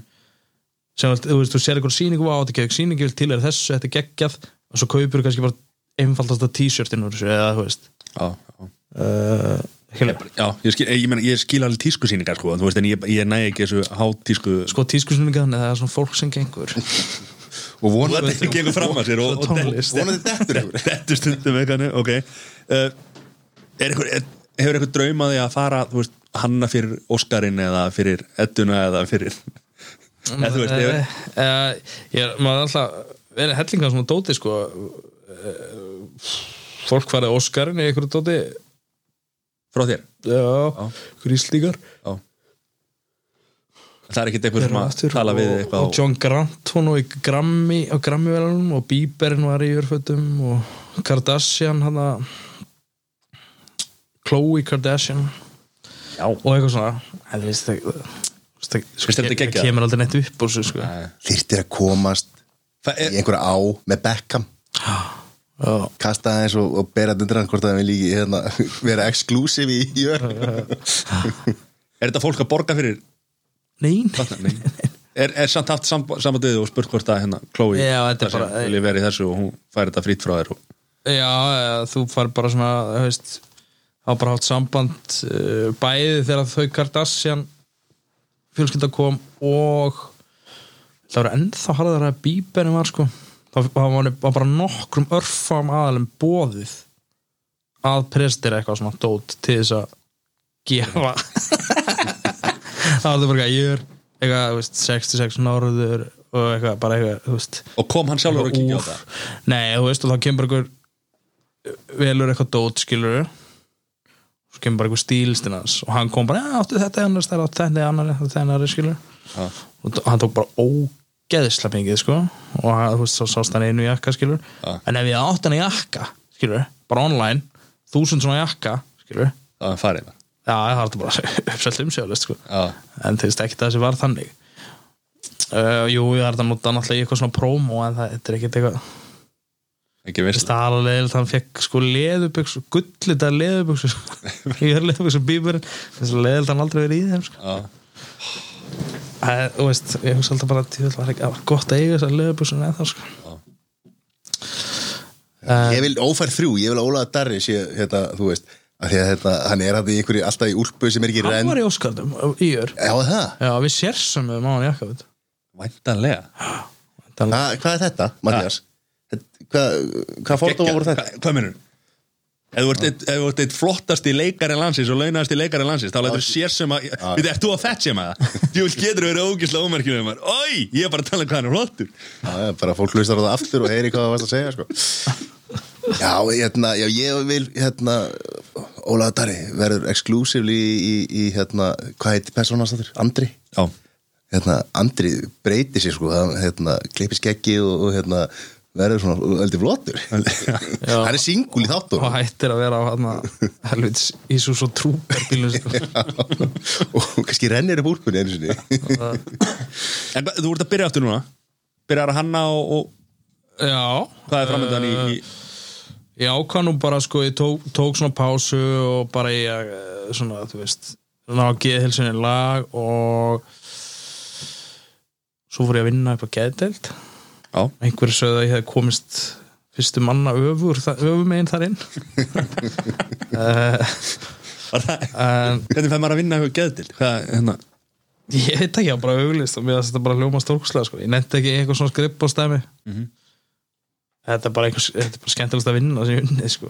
Maður maður getur kannski ekki unni en rosalengi mm Mhm. þetta er bara það bráða getil sko. Já, en þetta var bara þetta var alltaf bara allt, veist, þetta var mjög erfitt og þú veist mjög gaman og mjög leðilegt og eitthvað þegar svona þar á milli allur skalinn Já uh, En það var alveg útrúlega að vinna þetta sko. og hérna hjálpaði mér líka mikið sko. uh,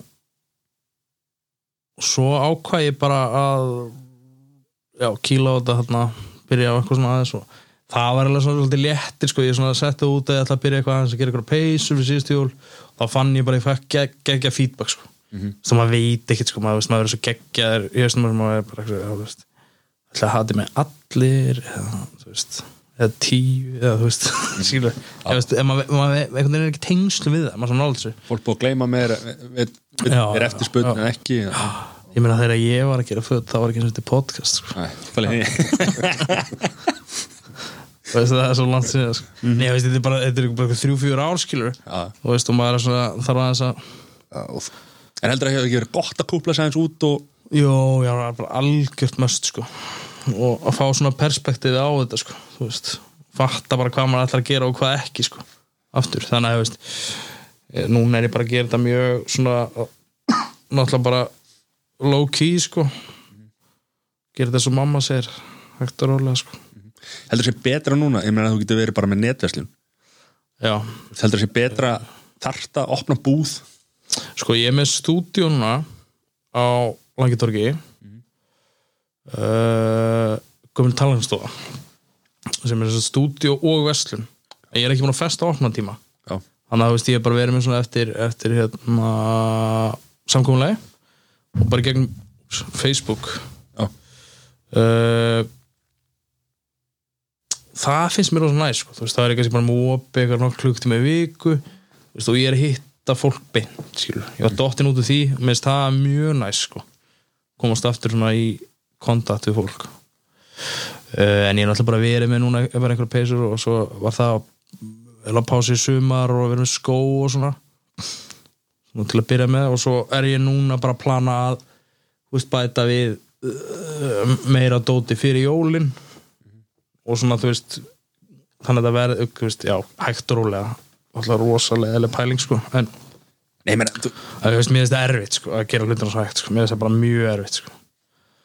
og mér finnst það erfitt að mótaðla mig og eitthvað svona, ég veit það er heilbritt sko Þú veist. og en það, mér finnst það bara mjög leðilegt sko. en þú veist, ég veit samt bara, ég þarf bara að koma sér eitthvað svona smá svona skorður þannig að, veist, og mér langar bara að gera sýningar aftur og eitthvað svona, þú veist. Uh, og alveg línur. En þú veist, ég nenni bara ekki að einhverju vesen eftir sko. Ég skilja að lega þetta grínast. eða? Já, en eh, sko þetta er samt gott að fara aftur í rætuna sko. Já, já, fara í, í hérna, þú veist, að vera ekki með allar áhyggjur líka, sko, ekki bara þínar heldur en þú veist, starfsmanna og svo fjárf eða veist, já, já, einmitt. mikið óverið sko, svolítið en geta bara gert þetta svolítið að núna aftur er svo byrjar á eigin forsendum sko. Akkurat. Og það er náttúrulega skilur veist, það er náttúrulega mikið frels í því einmitt að vera ekki með eitthvað mikið overhett og, og kostnað og eitthvað svona rugl skilur maður náttúrulega bara þá getur maður gert meira hvaðan koma hugmyndinir af nýri peysu eða nýri skirtu eða buksu það eru svona flest, þetta er mest stólið Já. Eða, þú veist, er þetta samsetting úr einhver, þú veist, ég meina það er náttúrulega færð áhrif einhver staðar og Já, bara allstaðar sko. Uh, bara ég teki vel svona session bara, þannig að ég fæ bara kafi eitthvað uh, það er svona getur svolítið erfitt stundum að vera í svona rekstra dæmi veist, það var svona tókstreitan sem ég var í þá skilur eiga að vera, þú veist, ég þurfti alltaf að vinna á nætuna í svona, þú veist, að teikna og, þú veist, í hönnuninni, Já.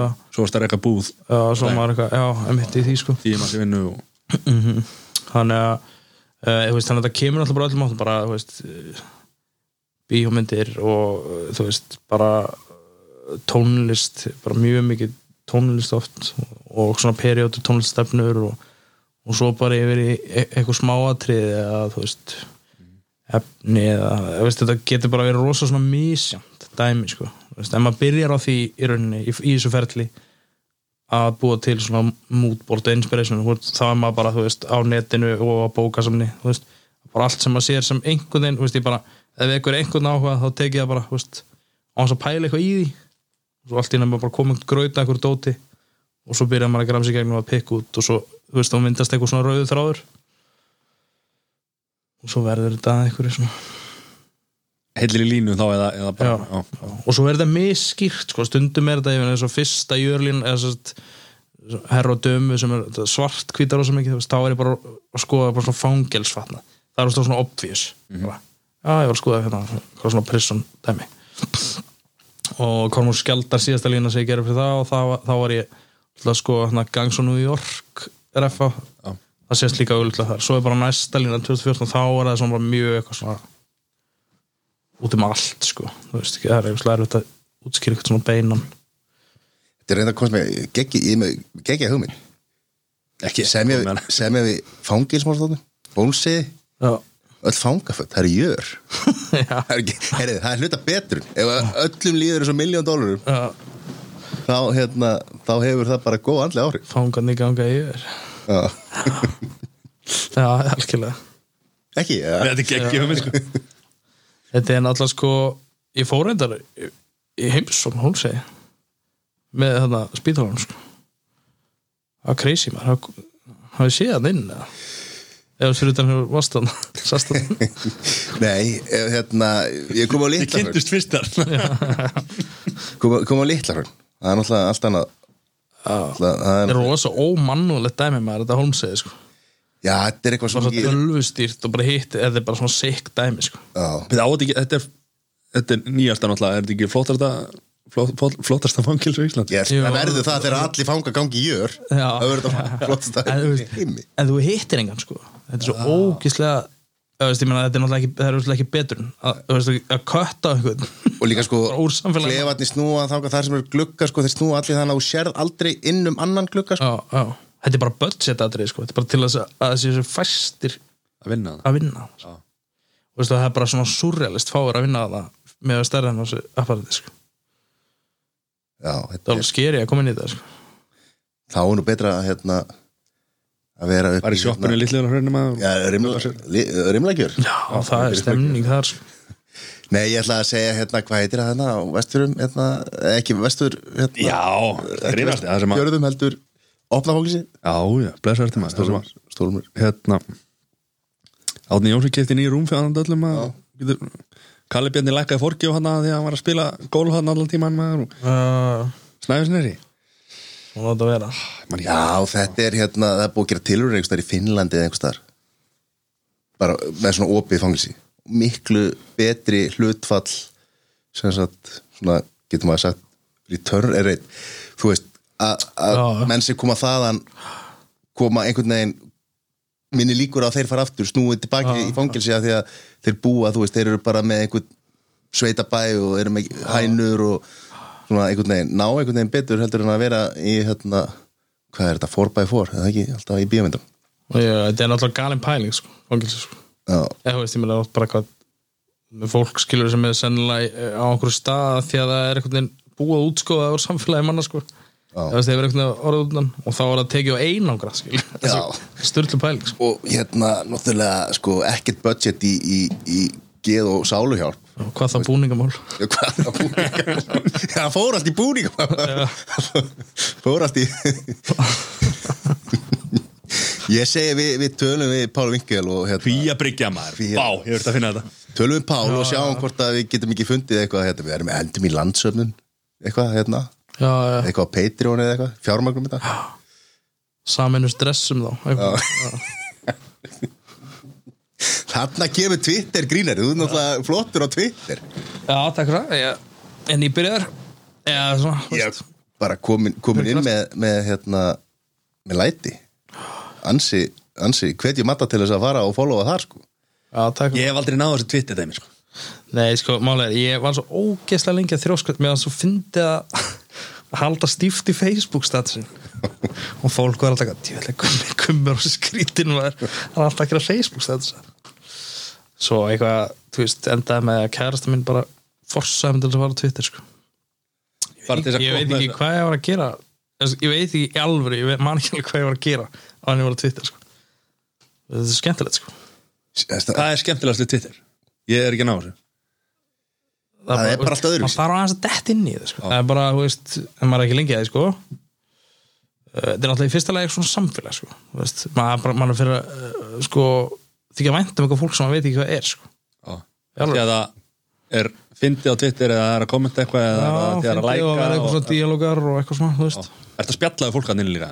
þú veist, bara svona, veist, þú lendir einhverju þræði með fólk eða eitthvað svona en, Já og umræðan allt öðru vísi heldur en til dæmis á Facebook, þú veist, kommentið þar. Já, verður einhvern veginn þetta er náttúrulega fullblón grindaskert þarna á Facebook. En það er sko nú TikTok náttúrulega að fara að taka yfir sko þannig að þú þarf fljótlega að fara að færa þið þangað sko. Já, einmitt.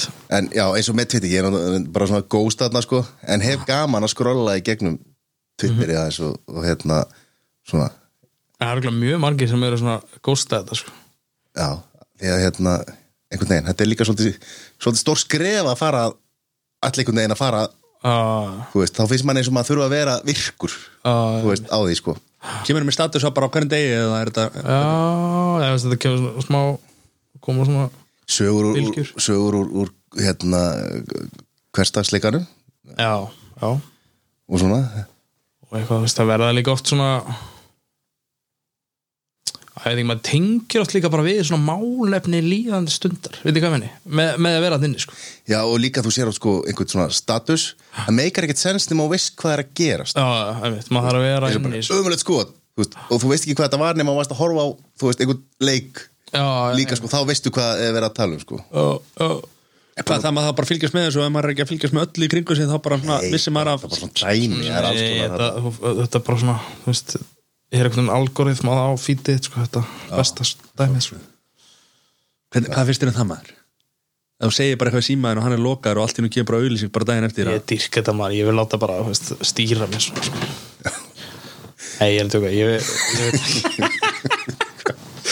er, hérna, er hvað hva færðu færðu hugar á að fara og, og kasta eins flugu eða Já, ég gerir það sko Það er svona Ég verið í þessu bara því ég var lítill strákur.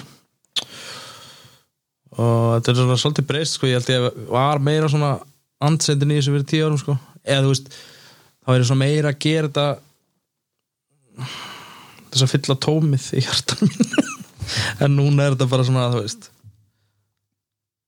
uh, þú veist er, er ég meira að njóta sko. Þú veist, fara með gunna sínum og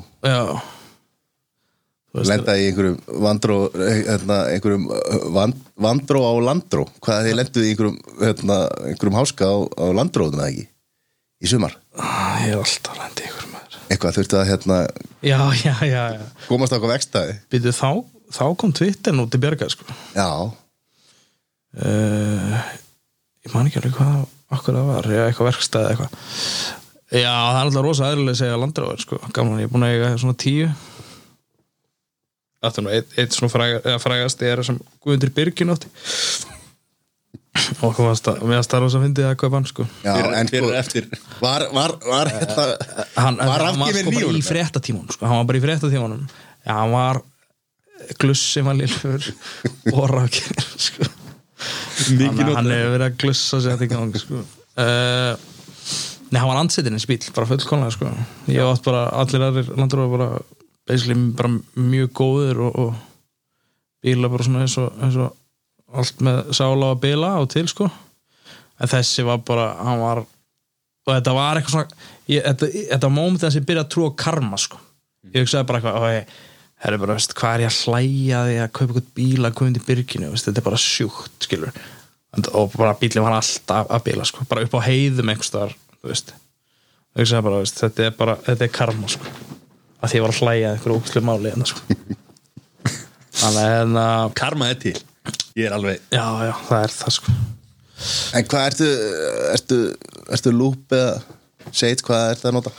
Sko ég er uh, ég er rosa lítill græðukall alltaf verið en ég á var að fá Orvis Helios stöngina um, og hún er stórkostlega og fyrir það var ég búin að vera með Sage Flight stöng sem ég nota líka í örgulega 7-8 ár sko.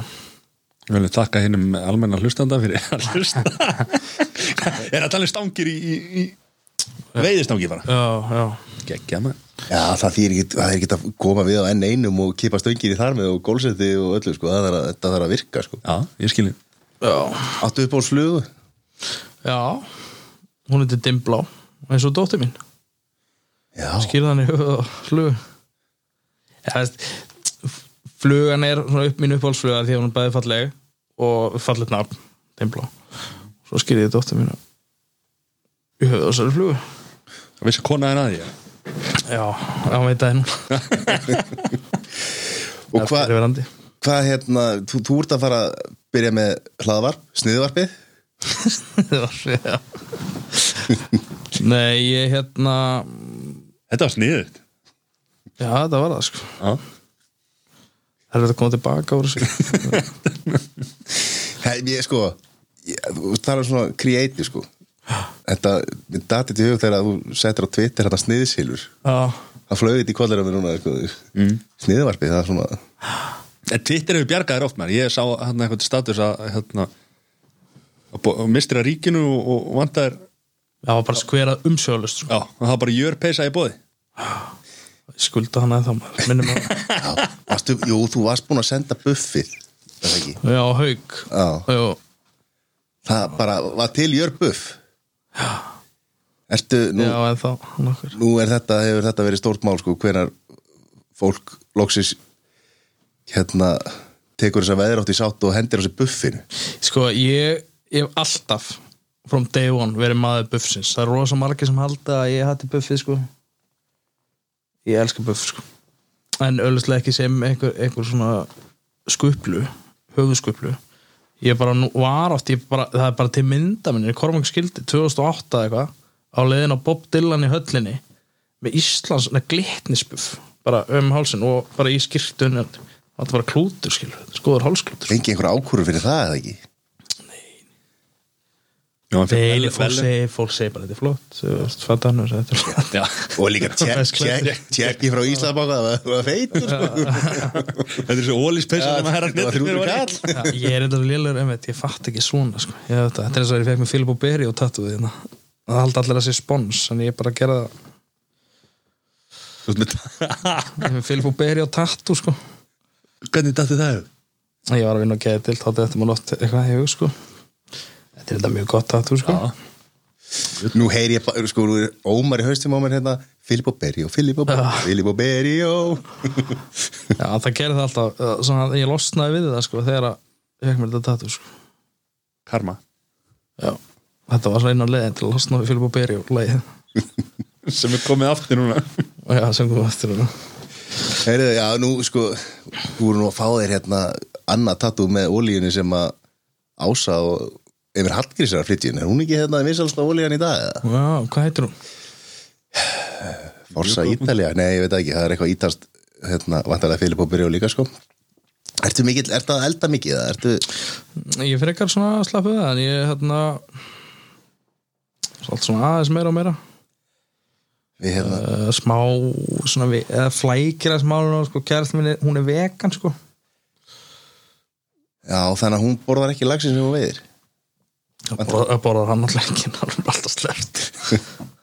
Ég er alltaf, það er alltaf besta sem kom, komið fyrir þetta sporti er alltaf að sleppa þessu að því að þú veist skilur að eitt maður feist fær maður sko þegar hann tekur þá fær maður sko löndun á kviðan sko. Það er að standa í þessu brasi. Svo, en það er alltaf horfin sko aðgera kviðin sko. Já, að þurfa að gera að þessu og, og burðast með þetta. Það var svo, mér finnst það alltaf svo leiðilegt maður Að- til lönduna kvíði Já, þú veist, maður er svo þreyttur í þetta. þeir út alltaf með 100 cm lags á stönginni sko, Mattías, þá Ég byrja að klippa bara á, sko. Leðið verið þreytt. það fluga bara á þessu, já ég klippi bara gera nýja svona, þennan ekstra þetta þá bara lætur á stöngina fara En Ég held, sko, í svo lagsveipælingum, ég held að þessu verið cancelled, bara sko. Heimi sem við lögum í. Ég held, það, veist, það lítur einhver að segja eitthvað, okkur er það að pynta fiska, veist, er þetta ekki eitthvað skrítið? Eða kannski fyrir þetta fyrst, þróast það fyrst í eitthvað að maður fyrir að veiða aftur, veist, að drepa, sko. bara til matar. Já. Og svo verður þetta, veist, það byrja svona agnaldslaust skilur, til þess að meiða það minna en þetta er alltaf bara svo, svona úr, úrkynnið sko. Vera að meiða, meiða og sleppa. Já, já, þetta er, þetta er við skulum ekki tala um það hérna. Það er- ekki svo stað Ertu eitthvað í skotveðin eða?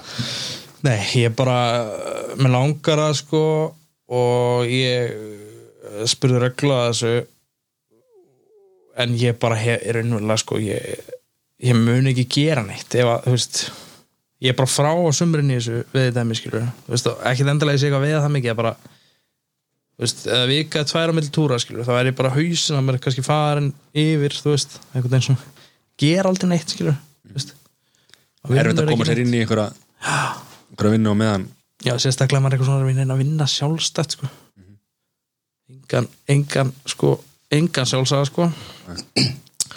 Nei, ég fara að skjóta líka. Þá er ekkit, það er ekki tíma eftir sko. Já, þess að er ég hrættur um sko. þá, já, en þetta, kannski er þetta ekki af gaman. Gæsin. Rúpan, hreindir inn reyndirið villisvín í ég held reyndar að ég myndi ekki meika þetta reyndir þetta sko. þetta er, þú veist, þetta er alveg þeir vita hvað þessi reyndir heita sko. þetta er bara þetta er bara Rúdolf ef að skjóta hann Já, Þú veist, þetta er svo fát, fát í sko. En hérna, kemur það sinna á að vinna fyrir sjálfa þig og, og sjálfsa á hana hvernig, hvernig dagurinn er, hvernig byrjar svona venjulegu dagur? Sko, ég var að lesa það fyrir að kaffi hérna til Dill. Og, sagði á hana, það var kjátt sko. hann lætur opna til fyrir já, Nei, ég hérna Sko, þetta er mjög random. Eh, Mér veist þetta, ég er aðeins að læra inn á þetta sko. Ertu ekki svona ég, rútinu ég er einn. Ég er að reyna að vera það, jú, ég er orðið það miklu meira. Okay. uh, Jú, algjörlega, ég er bara e- Einu sinni var ég bara einhvern veginn sko. Ég bara e- einu sinni, þú veist uh, þe- Þegar ég er var, ég meni, ég fór aldrei að sofa bara fyrir tvö sko. Ég myndi bara aldrei vaka til 200 sko. Nú ertu náttúrulega vi- virðulegu faðir sko, þannig að ég var það líka það sko. Það? kannski ekki virðilegur en Það Já, þú átt, átt var tvö kvikindi sko. Já. einn nýjára sko. Jörundur og, og Dimblá uh, en ég veit ekki þetta er náttúrulega svona að maður, uh, maður kennst á betri stað sko, á einhvern veginn. Já, og líka, líka ef maður eldist ég, veist, ég eins og ég gati bara sofi alltaf í fjóra-fimm tíma, sko, eitt mál. Og eitthvað svona rugl, sko, ég er bara ég, veist, ég er bara konið í fórstustellinguna bara umsjálst, sko ef ég svefi fimm tíma, sko. Miðan dag, sko en uh, sko, mér veist rosa erfitt að vinna eitt, sko ég er bara að segja eins og er, sko. Og ég, þú veist, ég hef aldrei gert það áður. Ég hef alltaf verið, og maður fyrirtækið að stemning og mætur að fólk, skilur og, veist, og þannig að ég er svona að reyna að finna balans í þessu þú veist, ég, ég vil vera með svona mitt dæmi, þú veist, mitt, mitt stúdíu og mína verslun. Það væri til að vera með eitthvað með mér en sem væri þá eitthvað einn að vinna í því, þetta er úslega svona Deila kannski versluninni en vera í sikvaru já, Hönnuninni en- já, eða veist, þetta þyrfti að vera svona mjög svipa dæmi en samt einhvern veginn mitt helst, helst einhvern sem var að vinna í bara þessu með mér sko. Já. Eh, þannig að hérna maður er svona læri náta sko. Maður- En náttúrulega í þessum skapandi greinum þá er náttúrulega veist, erfitt að setjast niður og heyri, nú ætla ég bara hérna, að taka þú veist, 9 til 12 Mhm. bara hátægismat, svo ætla ég að mæta klokkan 1 byrja. Þetta er svolítið svona ger ég ráð fyrir eins og tólistamenn rítöfundar uh, náttúrulega hérna þú veist, listmálarar og, og, og hérna þannig að þetta sé svona að þú þarft að vera í stemning og stöði sko, það að vera myndlistamæður held ég að sé öruglega erfið að starfi í heiminum sko. ég er ekki þess sko. Þú var alltaf geðið gann sjálfs að alltaf vinna einn Mhm. uh, En svo reyndar hendar það væntalega einhverjum á meðan það hendar ekki öðrum að já, já, það er alveg rétt ég, sko þú veist, ég er ekkert mjög mikið að teikna og eitthvað svona, þú veist ég tek svona bara eitthvað smá tarnir í því uh, og ég held að svona uh, margir tengja við að svona með svona skapandi örf þetta er meira svona samtals. Þú veist, að vera bara að tala um hlutina skilu Ertu að tala um sjálfa þig eða ertu að að núna, já, Já, núna er ég bara einhver búning og meina að tala sjálf sko. illa ferskur en þannig að þú veist ég veit ekki veist, en svo ef ég þarf að, að gera eitthvað veist, bara samkvæmst það að segja að gera eitthvað pöntun eða senda eitthvað e-mail eða, e eða bara teikna, veist, þá vil ég vera einn og í friði, skilji. Þannig að þetta er svona það er svona þess að lærin á þetta, sko. En hvernig er prósessi, núna hannar þú? Ertu að sauma eitthvað sjálfur eða ertu að ég er í fyrst getið að reyna að byrja sko, að vinna meira aðeins í höndunum sko. Ég var alltaf með klæðskera og ég, og ég er ekkert góður í þessu sko, sauma og svona. En þú veist ég er bara svona meðvitaður um það að mér líður betur ef ég er að gera eitthvað. Veist, ég er á fótum og djöblast og gera eitthvað. Mm -hmm. leða maður er veginn bara í þú veist, fyrir svona tölun alltaf. Og veist, og afgreða og svona. Þannig að ég er að reyna að temja mér að vinna meira. En þetta er náttúrulega ekki alveg komið svona full swing sko, maður er svona að preppa þetta og og hérna alltaf maður fara ekki svona já, geta unnið að línu svona se- se- setni hluta þess ás þú veist þá byrja, byrja maður sem er að sauma og svona meiri vöruþrón núna er ég svona að bara þú veist já, ég er að framlega kannski gamla stíla og setja nýja efni og eitthvað svona, þú veist. Og svona að leggja grunninn að framtíðinni. Já, við fáum þegar bólefni kemur og það verður- kemur allt heimurum fyrir að snúa stæðilega þá, þá verður hérna þá fáum við sýningu á línu. En það ekki Jó, það er að skemmtilegast að við þetta dæmi sko að gera sýningar sko. Er það bara það er fútið sko. að fá alla til að klappa? Já, það er svona alla að klappa Svona. Nei, veist, þetta er svo gegg, sko, tískusýninga er svo geggja koncept, sko. Svolítið eins og listasýningar veist, þetta er svo stórkostlega tilgerðalegt og galið, þú veist þetta er bara eitthvað, veist, þetta er bara eitthvað dæmi sem kostar kannski bara 10 miljónur sýningu. Og svo kemur bara eitthvað fólk skilur og labba, það veit engin neitt hvað neinu finnst skilur, það er eitthvað nokkri sem segja eitthvað, "Já, þetta er flott, skilur. Og svo er eitthvað aðri sem, "Já, þetta er flott, ok. Og svo eitthvað, þetta er flott, skilur. Veist, það veit engin neitt. Og, og svo tekur þetta tímyndur, sko þetta er svo galið, sko. Það er eitthvað eins og Miljón kall mínútar Sælir. Það er svo fallegt, sko. Engin sem segir eitthvað, ég sá hvað að gera hérna við ermanda þarna maður, þetta var hérna. Nei, það er bara eitthvað, þú veist. Einhver klappaði hátt skilur og þá byrjaði Ertu með, alltaf með einhvern í salnum bara sem byrjar að klappa að gera þetta Já, Já, en þú, hérna, þú hefur sagt að, að tísku vitund eða svona, þú veist, að hafa nefn fyrir tísku sé sko einhvern veginn og spurður sko hvort að þú veist í viðtali með með hérna svölu held ég, Björgvís og þú sagðir að þetta væri sko og spurningi var hvort að þetta væri meðfætt eða sko eitthvað sem þú lærir. Mhm. og Mattias, ég ætla að gleðja þig sko að- að svarið hjá Gumma var sko þetta er sko þetta er svona einhvern veginn sko ég man ekki hvernig orðar þetta svo vel einhvern veginn áunnin fíkn eða eitthvað svoleið sko. Það var hann í sjúkdóm. Já, hún er sjúkdómur þannig að hérna, Matti, það er það er sérs fyrir okkur að Ég hef aldrei verið glaður. tískuvitund, Ég hef aldrei verið glaður sko. Þetta er kekkja Takk fyrir þetta. þetta er svona blanda sko. Að þú veist.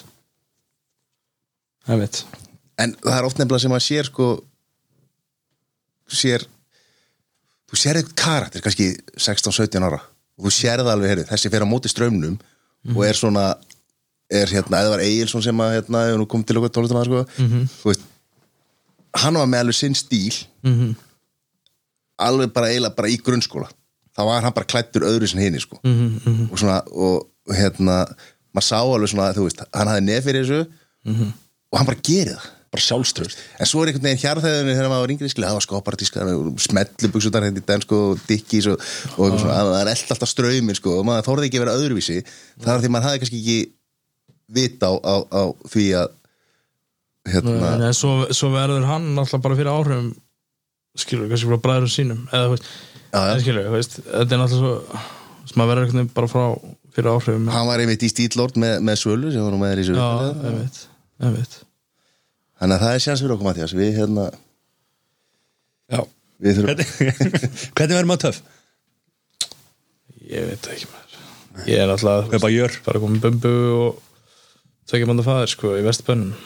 Þannig að þú vart að sapna svolítið meira að þú ætlar að ná okkur í bumbu þar sko. Þannig að slaka á. Ég er samt komið sko, ég er búin að salla á mig bara svona 20 kílóum sko. Þetta er alltaf besta við kvíðan sko, þetta er ríkilega grennandi nú er hann farinn sko.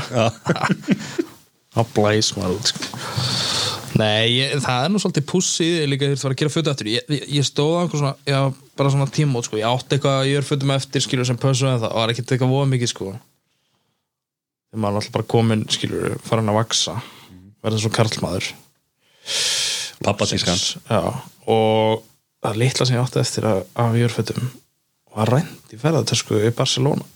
Nei, þannig ég hugsa, fuck maður ég, hann er þar ég að fara að kaupa mér föt eða byrja að gera föt aftur. Hvað hérna bara á einhver hóteli eða hvað er ástu? já, við vorum bara hérna, ég var að dúka eitt sumar uh, sem var ekki að geða Þú, í- út í Barcelona eða hérna nei, hérna heima. Já. með vinnu mínu tveim sko og þetta er dúkari og, og hérna uh, við vorum að það lögmaður og fattahönnur eitt sem var að dúka hjá hann góða vinnir og svo var ásatt í dúksins til Barcelona sko. Fórum við þetta nú kamp og svona voru rændir síðan kíktum ég mól hann og brútst inn í bíl og voru bara með allt sko. og bara, vorum að fara frá Barcelona sko, var annar stað sko. bara rændir sko. Það er einhver, ferða að skanna passporti og... það er einhver vel klættur ræningi núna bara einhver stað að lappa um já, já, bara í einhverjum þú veist, bara geðveikt þröngum í Júragalabusum sko. geðveikt, svo kvennast þær sko og var búið að stretsa hans upp sko Er þetta buksinu sem Bíber var í hérna? Já, gullið, sko. Það er fóru víst ekki í fjöldaframlæslu Gull eða buksunar Hvað, ég, sko Við þurfum að grafa upp þessa buksu sko. Við sendum á bíber sem að skila buksunum Já, sko, Orri Finn, hérna, skarskrifa hannur sem uh, hefur verið mótuloft hjá mér og var, var í þessum buksum á sýningunni er, var, er alltaf búin að spyrja um þetta bara, hvað er með, veist verðum að gera svo gullega buksur aftur mér ég, er bara- hann langar svo í þær sko. -hmm. svo er það er bara, veist, mér langar svo að vita hvar er þær, þú veist, þessi bara búið að farga. Já, í þessum. veist, einhver stílisti hjá Justin Bieber stelur að það er fullt af einhverjum fötum og svo bara þetta skilaði bara eftir einhver starf þetta, er þetta ekki bara flugulina hann Heyrðu, ég sá, ég sá eitt maður um daginn. Hérna, Courtney Kardashian hún er bara með heima sig. Bara eitthvað, Courtney's Closet eða eitthvað þar var bara einn ein kápan sem fekk í aðeins Já, ok jör til sölu Já, en hún er bara að selja þess að á 800-900 dólar sko. og bara kassaði meira inn Heldur þú? Eða þú gast bara þetta náttúrulega á, á þessari kápu en ég bara á þessu öllu sem við framleitum á þessari kápu sko. Ég held reyndar, að ég- sko, ég sá held í Selinu Gómez í buksunum, sko, hún geti að fengið það í skilnaðin við bíberinn maður. Þetta var djúft Að Það eru spennandi tíma framönda Alveg, sko, hrikalega og bara, hérna, bara, sko, Mattias, sjáðu hvað við erum hefnir að hafa fengið Guðmund Jónusson eh, inn á íslenska markaðina því að hann hefði, sko, það, það hefði getað, sko, hann gæti verið bara baksvis í, í þjóðlíkúsinu bara í einhverjum, alltaf klæða sér með lilla kliðumús og eitthvað, hann verið bara búningastjóri í, í þjóðlíkúsinu sko. Lilli búningaperinn á Það hefur verið ef alveg hann hefði farið þáleið, sko. Hvernig hérna maður sendir bara á Facebook skilabóða því til þess að tjekka hvernig maður getur bara í búðina Já, bara ég er síðan. Eða, veist, eins og ég er skilið Já. ég, hérna, ég nefndi ekki að fara að festa tíma fyrir sumar, ég veit hvernig það verður. Ég er bara búin að vera út á suður og eitthvað. Svo núna er loksins veðinu lokið, ég er alveg smá letti sko. Já. það er nú Það getur verið að þú verður með opið ég ætla að fara að festa tíma bráðum og hérna ég var einmitt eitthvað bara í dag skilur og komu, komu bara randomli ég með duttu bara tveir, þrýr inn á hurðina sko. Já. þannig að maður þarf kannski að fara að festa eitthvað tíma skilur. En hvað hleypar þá inn ef, að, ef að maður liggur á hurðinni eða? Já, kostar 15.000 bara kosti inn Nei, Já, já, já, ég Gefur ekki gjald? Þú segir í hérna lækjar göttu það ekki Jú, þetta er, sko, þetta er svartásið þarna á, á lækitorkinu Já, þetta er það. Hafnastræði 20, þetta er gamla stoppstöðun sko. skuggalegt hús sko, miðflokkurinn á miðhæðinni. Uh, og háspenna. Spilasalunum niðri. Já. te og kaffi og fleiri og brandiburgar þarna auðlýsingastofan og... Stutt að fara og þetta mæta fyrir dóm. Já, akkurat, það er Það er ástæðan okkur að vara Ég þurfti nú að fara í svona einhverja yfirherslu sko, út af yfirdæminu sko. það var reyndar ekki þarna sko. svona skattadæmi sko. það er mjög þetta er svo fyndi sko, þú veist, það er bara, eitthvað, það er bara fólk hérna skilur uh, sem, sem bara slætar með bara einhverja skriljónir það er bara einhverja auðmíkjas fata niður og, og, og hérna og hárgrislu fólk sem verður eitthvað með gjaldróta með eitthvað smá businessa. Og skatturinn að grilla það fólk sko. Hvað var um þess að hérna Gullitu leðubuxur, ég sé ekki að það er ekki búið að tekja færa í bókaldinu Justin Bieber tók þér Já, Kortni er að selja á hérna, 900 dollara sko. Hvað seldið þú? Þú? Nú kassa vel inn á því kallum minn Já. Ég vil þetta skríti bransið samt. Fatabransin? Já, bara, þú veist bara hana, Þetta er þetta, þetta, þetta fræga fólk náttúrulega sko. Já, það eiga, eiga mestu peningana en fá allt frí. Ógislur heimur. Já, Satt oh. eitthvað maður þátt í þessu. Já, Það er, svo vitlega þannig er lífið. Þetta er samt mér þetta sjúkar sko, þú veist, Þetta er allavega alvöru frægt fólk. Hérna Já. er bara svona, eitthvað svona, svona hérna, Instagram lið eitthvað þú veist, Íslands, bara svona ræta eitthvað svona sp- allt sponsdæmi, minnst það er mm Mhm. -hmm. finnara sko. Hvað myndir gera núna eða kemi hérna einhver frægur og myndir veist, fá frí föt þegar Þú varst að hugsa, segðu nafnið sem þú varst að hugsa um. Nei, ég var bara að hugsa ég, ég, nei. ég veit ekki, bara einhver frægur sem að myndi koma til þín og, og hérna byggjum frí föt fyrir auðlýsingu á Instagram. Bara, nei. En ef að, já, segjum að Aron Móla komi. Já, hann er að, hérna, er að frumsýning á einhverju leikriti já. Ekki hendi ykkur í kallin Eða er bara, Jó, ég er oft svona lána og svona, þú veist að hérna en þú veist fólk líka oft keift eða fengi fengi díla á svona alltaf rosalega krafa afslætti í þessum brasa sko. Hérna En verðsetur þá ekki bara herra og gefur afslættið? Nei, ég er nú reynda og það sem ég verið að gera núna er rauninni sko, ég hugsaði bara, ég ætla bara að lækka þessa verðin, sko, þú veist. Að hérna, ég er bara frekar bara okkur talarnastofa þegar það. lækka þessa verðin og er ekki með hundra manns í vinnu og hérna ég veist, skilja, það skrýta að vera einhvern veginn að rukka kannski það samanleika, skilja, geta bara, þú veist, haft þetta frekar svona smá sympatist, sko. Ég, men, ég vel frekar að fara búðir og, og sem er engir afslættir og bara gott verð. Já, ég er bara að vinna að með það núna sko. bara, það er fyrir hátt verð og svo fara 40% afslætt Ég er líka svo tognaður skil Ég bara, þú veist, ég gat ekkit verið að afgreða að því ég bara gaf öllum afslátt veist, og hérna þannig að núna er þetta bara frekar bara góð verð og hérna og borga bara allir, allir skil það er kannski mamma. Og þeir sem eru með borgar ekstra. Borgar ekstra. Þeir sem eru með 15 plus followers á Instagram. Já, 15 plus. Rúrik, ef að Rúrik myndi koma. Og nei, ég veist, maður græðir ekkert á þessu sko. Er það ekki? Er, er, er þetta bara er þetta allt bara er, er, lifum við í Já, einhverjum það er mjög, kannski mjög sjönd en, en svona á þessum stað sem við er þá er það ekki eitthvað já, ég veit ekki, kannski að maður verið með online og alltaf útrúlegt að það, það er að með all- allar þessar starf sem við varum í gangi að gjöra við hefum aldrei sett upp online veslun sko. það er smá svona fullkonur ára dæmi sko. Vildur hafa þetta óaf perfekt að Já, ég nefndi ekki að vera með eitthvað svona halfras verslun. Og svo vorum við svo ógeðslega mikið vörum þannig að þetta var eitthvað svo þetta er alltaf svo ógeðslega mikið batteri sko. þannig að e- þegar þetta svona mikið af þú veist þetta er bara þess að farið á online verslun og hefa konum ekki skildi það það, það er bara svona 30.000 vöruflokkir flokkar sko Já, það er- við náttúrulega erum að þryggja eitthvað fresti sko. Þannig að við erum ekki þurft að fara á online veslurina sko. Það er hver setur allir þessi bindi að inn skilur. það er bara það er bara, það er bara 20 manns ég er bara að setja bindin inn sko. Það er að kíkja á það.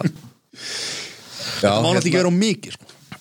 Nei, þetta þarf að vera hérna, Nei. Ef þetta er á flókið og á mikið sko, þá Við tökum hugmyndina Courtney Gamis Closet. Já, Búum til eitthvað hérna. Gæmis Gæmis Nei, ég þarf að fá, ég er náttúrulega líka ég er alveg svona frekar svona takmarkaði tæknilega sko. Tæknilega sko. Það er nú annan tæknimaður nokkar hérna Hann glimt að setja rekk Glemt sem þetta rekka. Heyrðu, ekki, sko, fólk var búin að gleyma því og nú ertu bara að rifja það Það sjálfsög, þetta glimst aldrei. Heyrðu, erum við ekki orðin Jú, Góður. helviti góður Við hérna bara, hérna Hvernig fólk að fara inn á Jörsíðuna mm -hmm. Sjá hvernig opnuna tímarnir eru. Liggja hurðir ef að þess þarf og hérna banka. Og hérna bara gott að át byrjar aftur. Við, Já, við, við, það. við þurftum þetta sko. Já, þetta er mjög gaman að vera koma Sérstaklega hérna í þessu COVID-kjátaði og svona. Þetta er nefnilega fínt fyrir íslenska verslun sko. Nú fyrir fólk að, þú veist, það getur ekki farin eitt annað að versla sko. Já, en svo veist, hérna, við erum að, við erum að fara í þunga vetur í atvinnu hérna, Vá. Reynum að hafa þetta gaman. Við skulum ekki enda þetta á, á þessu nóti Það er hérna, bjartframöndan og hérna með hana, hérna, sko ég er að fullur hugmyndum.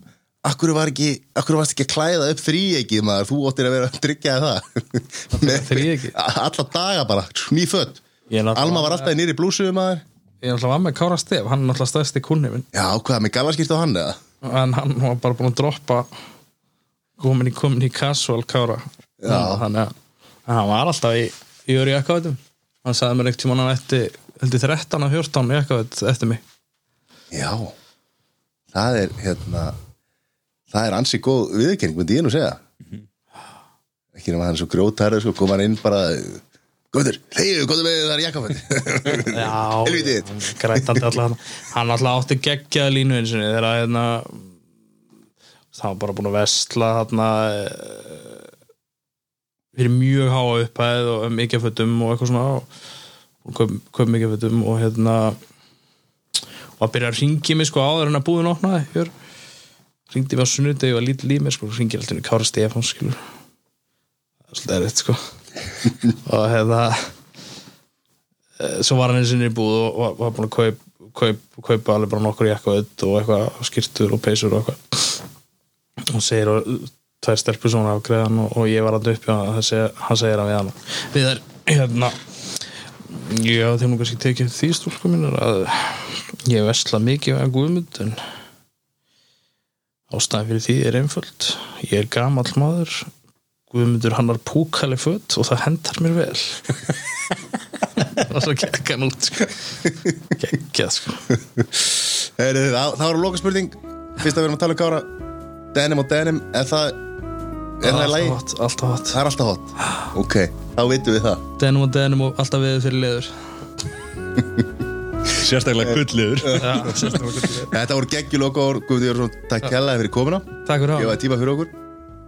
Og hérna uh, Gangi ég vel með, með, með nýja verkefni takk fyrir að kjalla, sumleis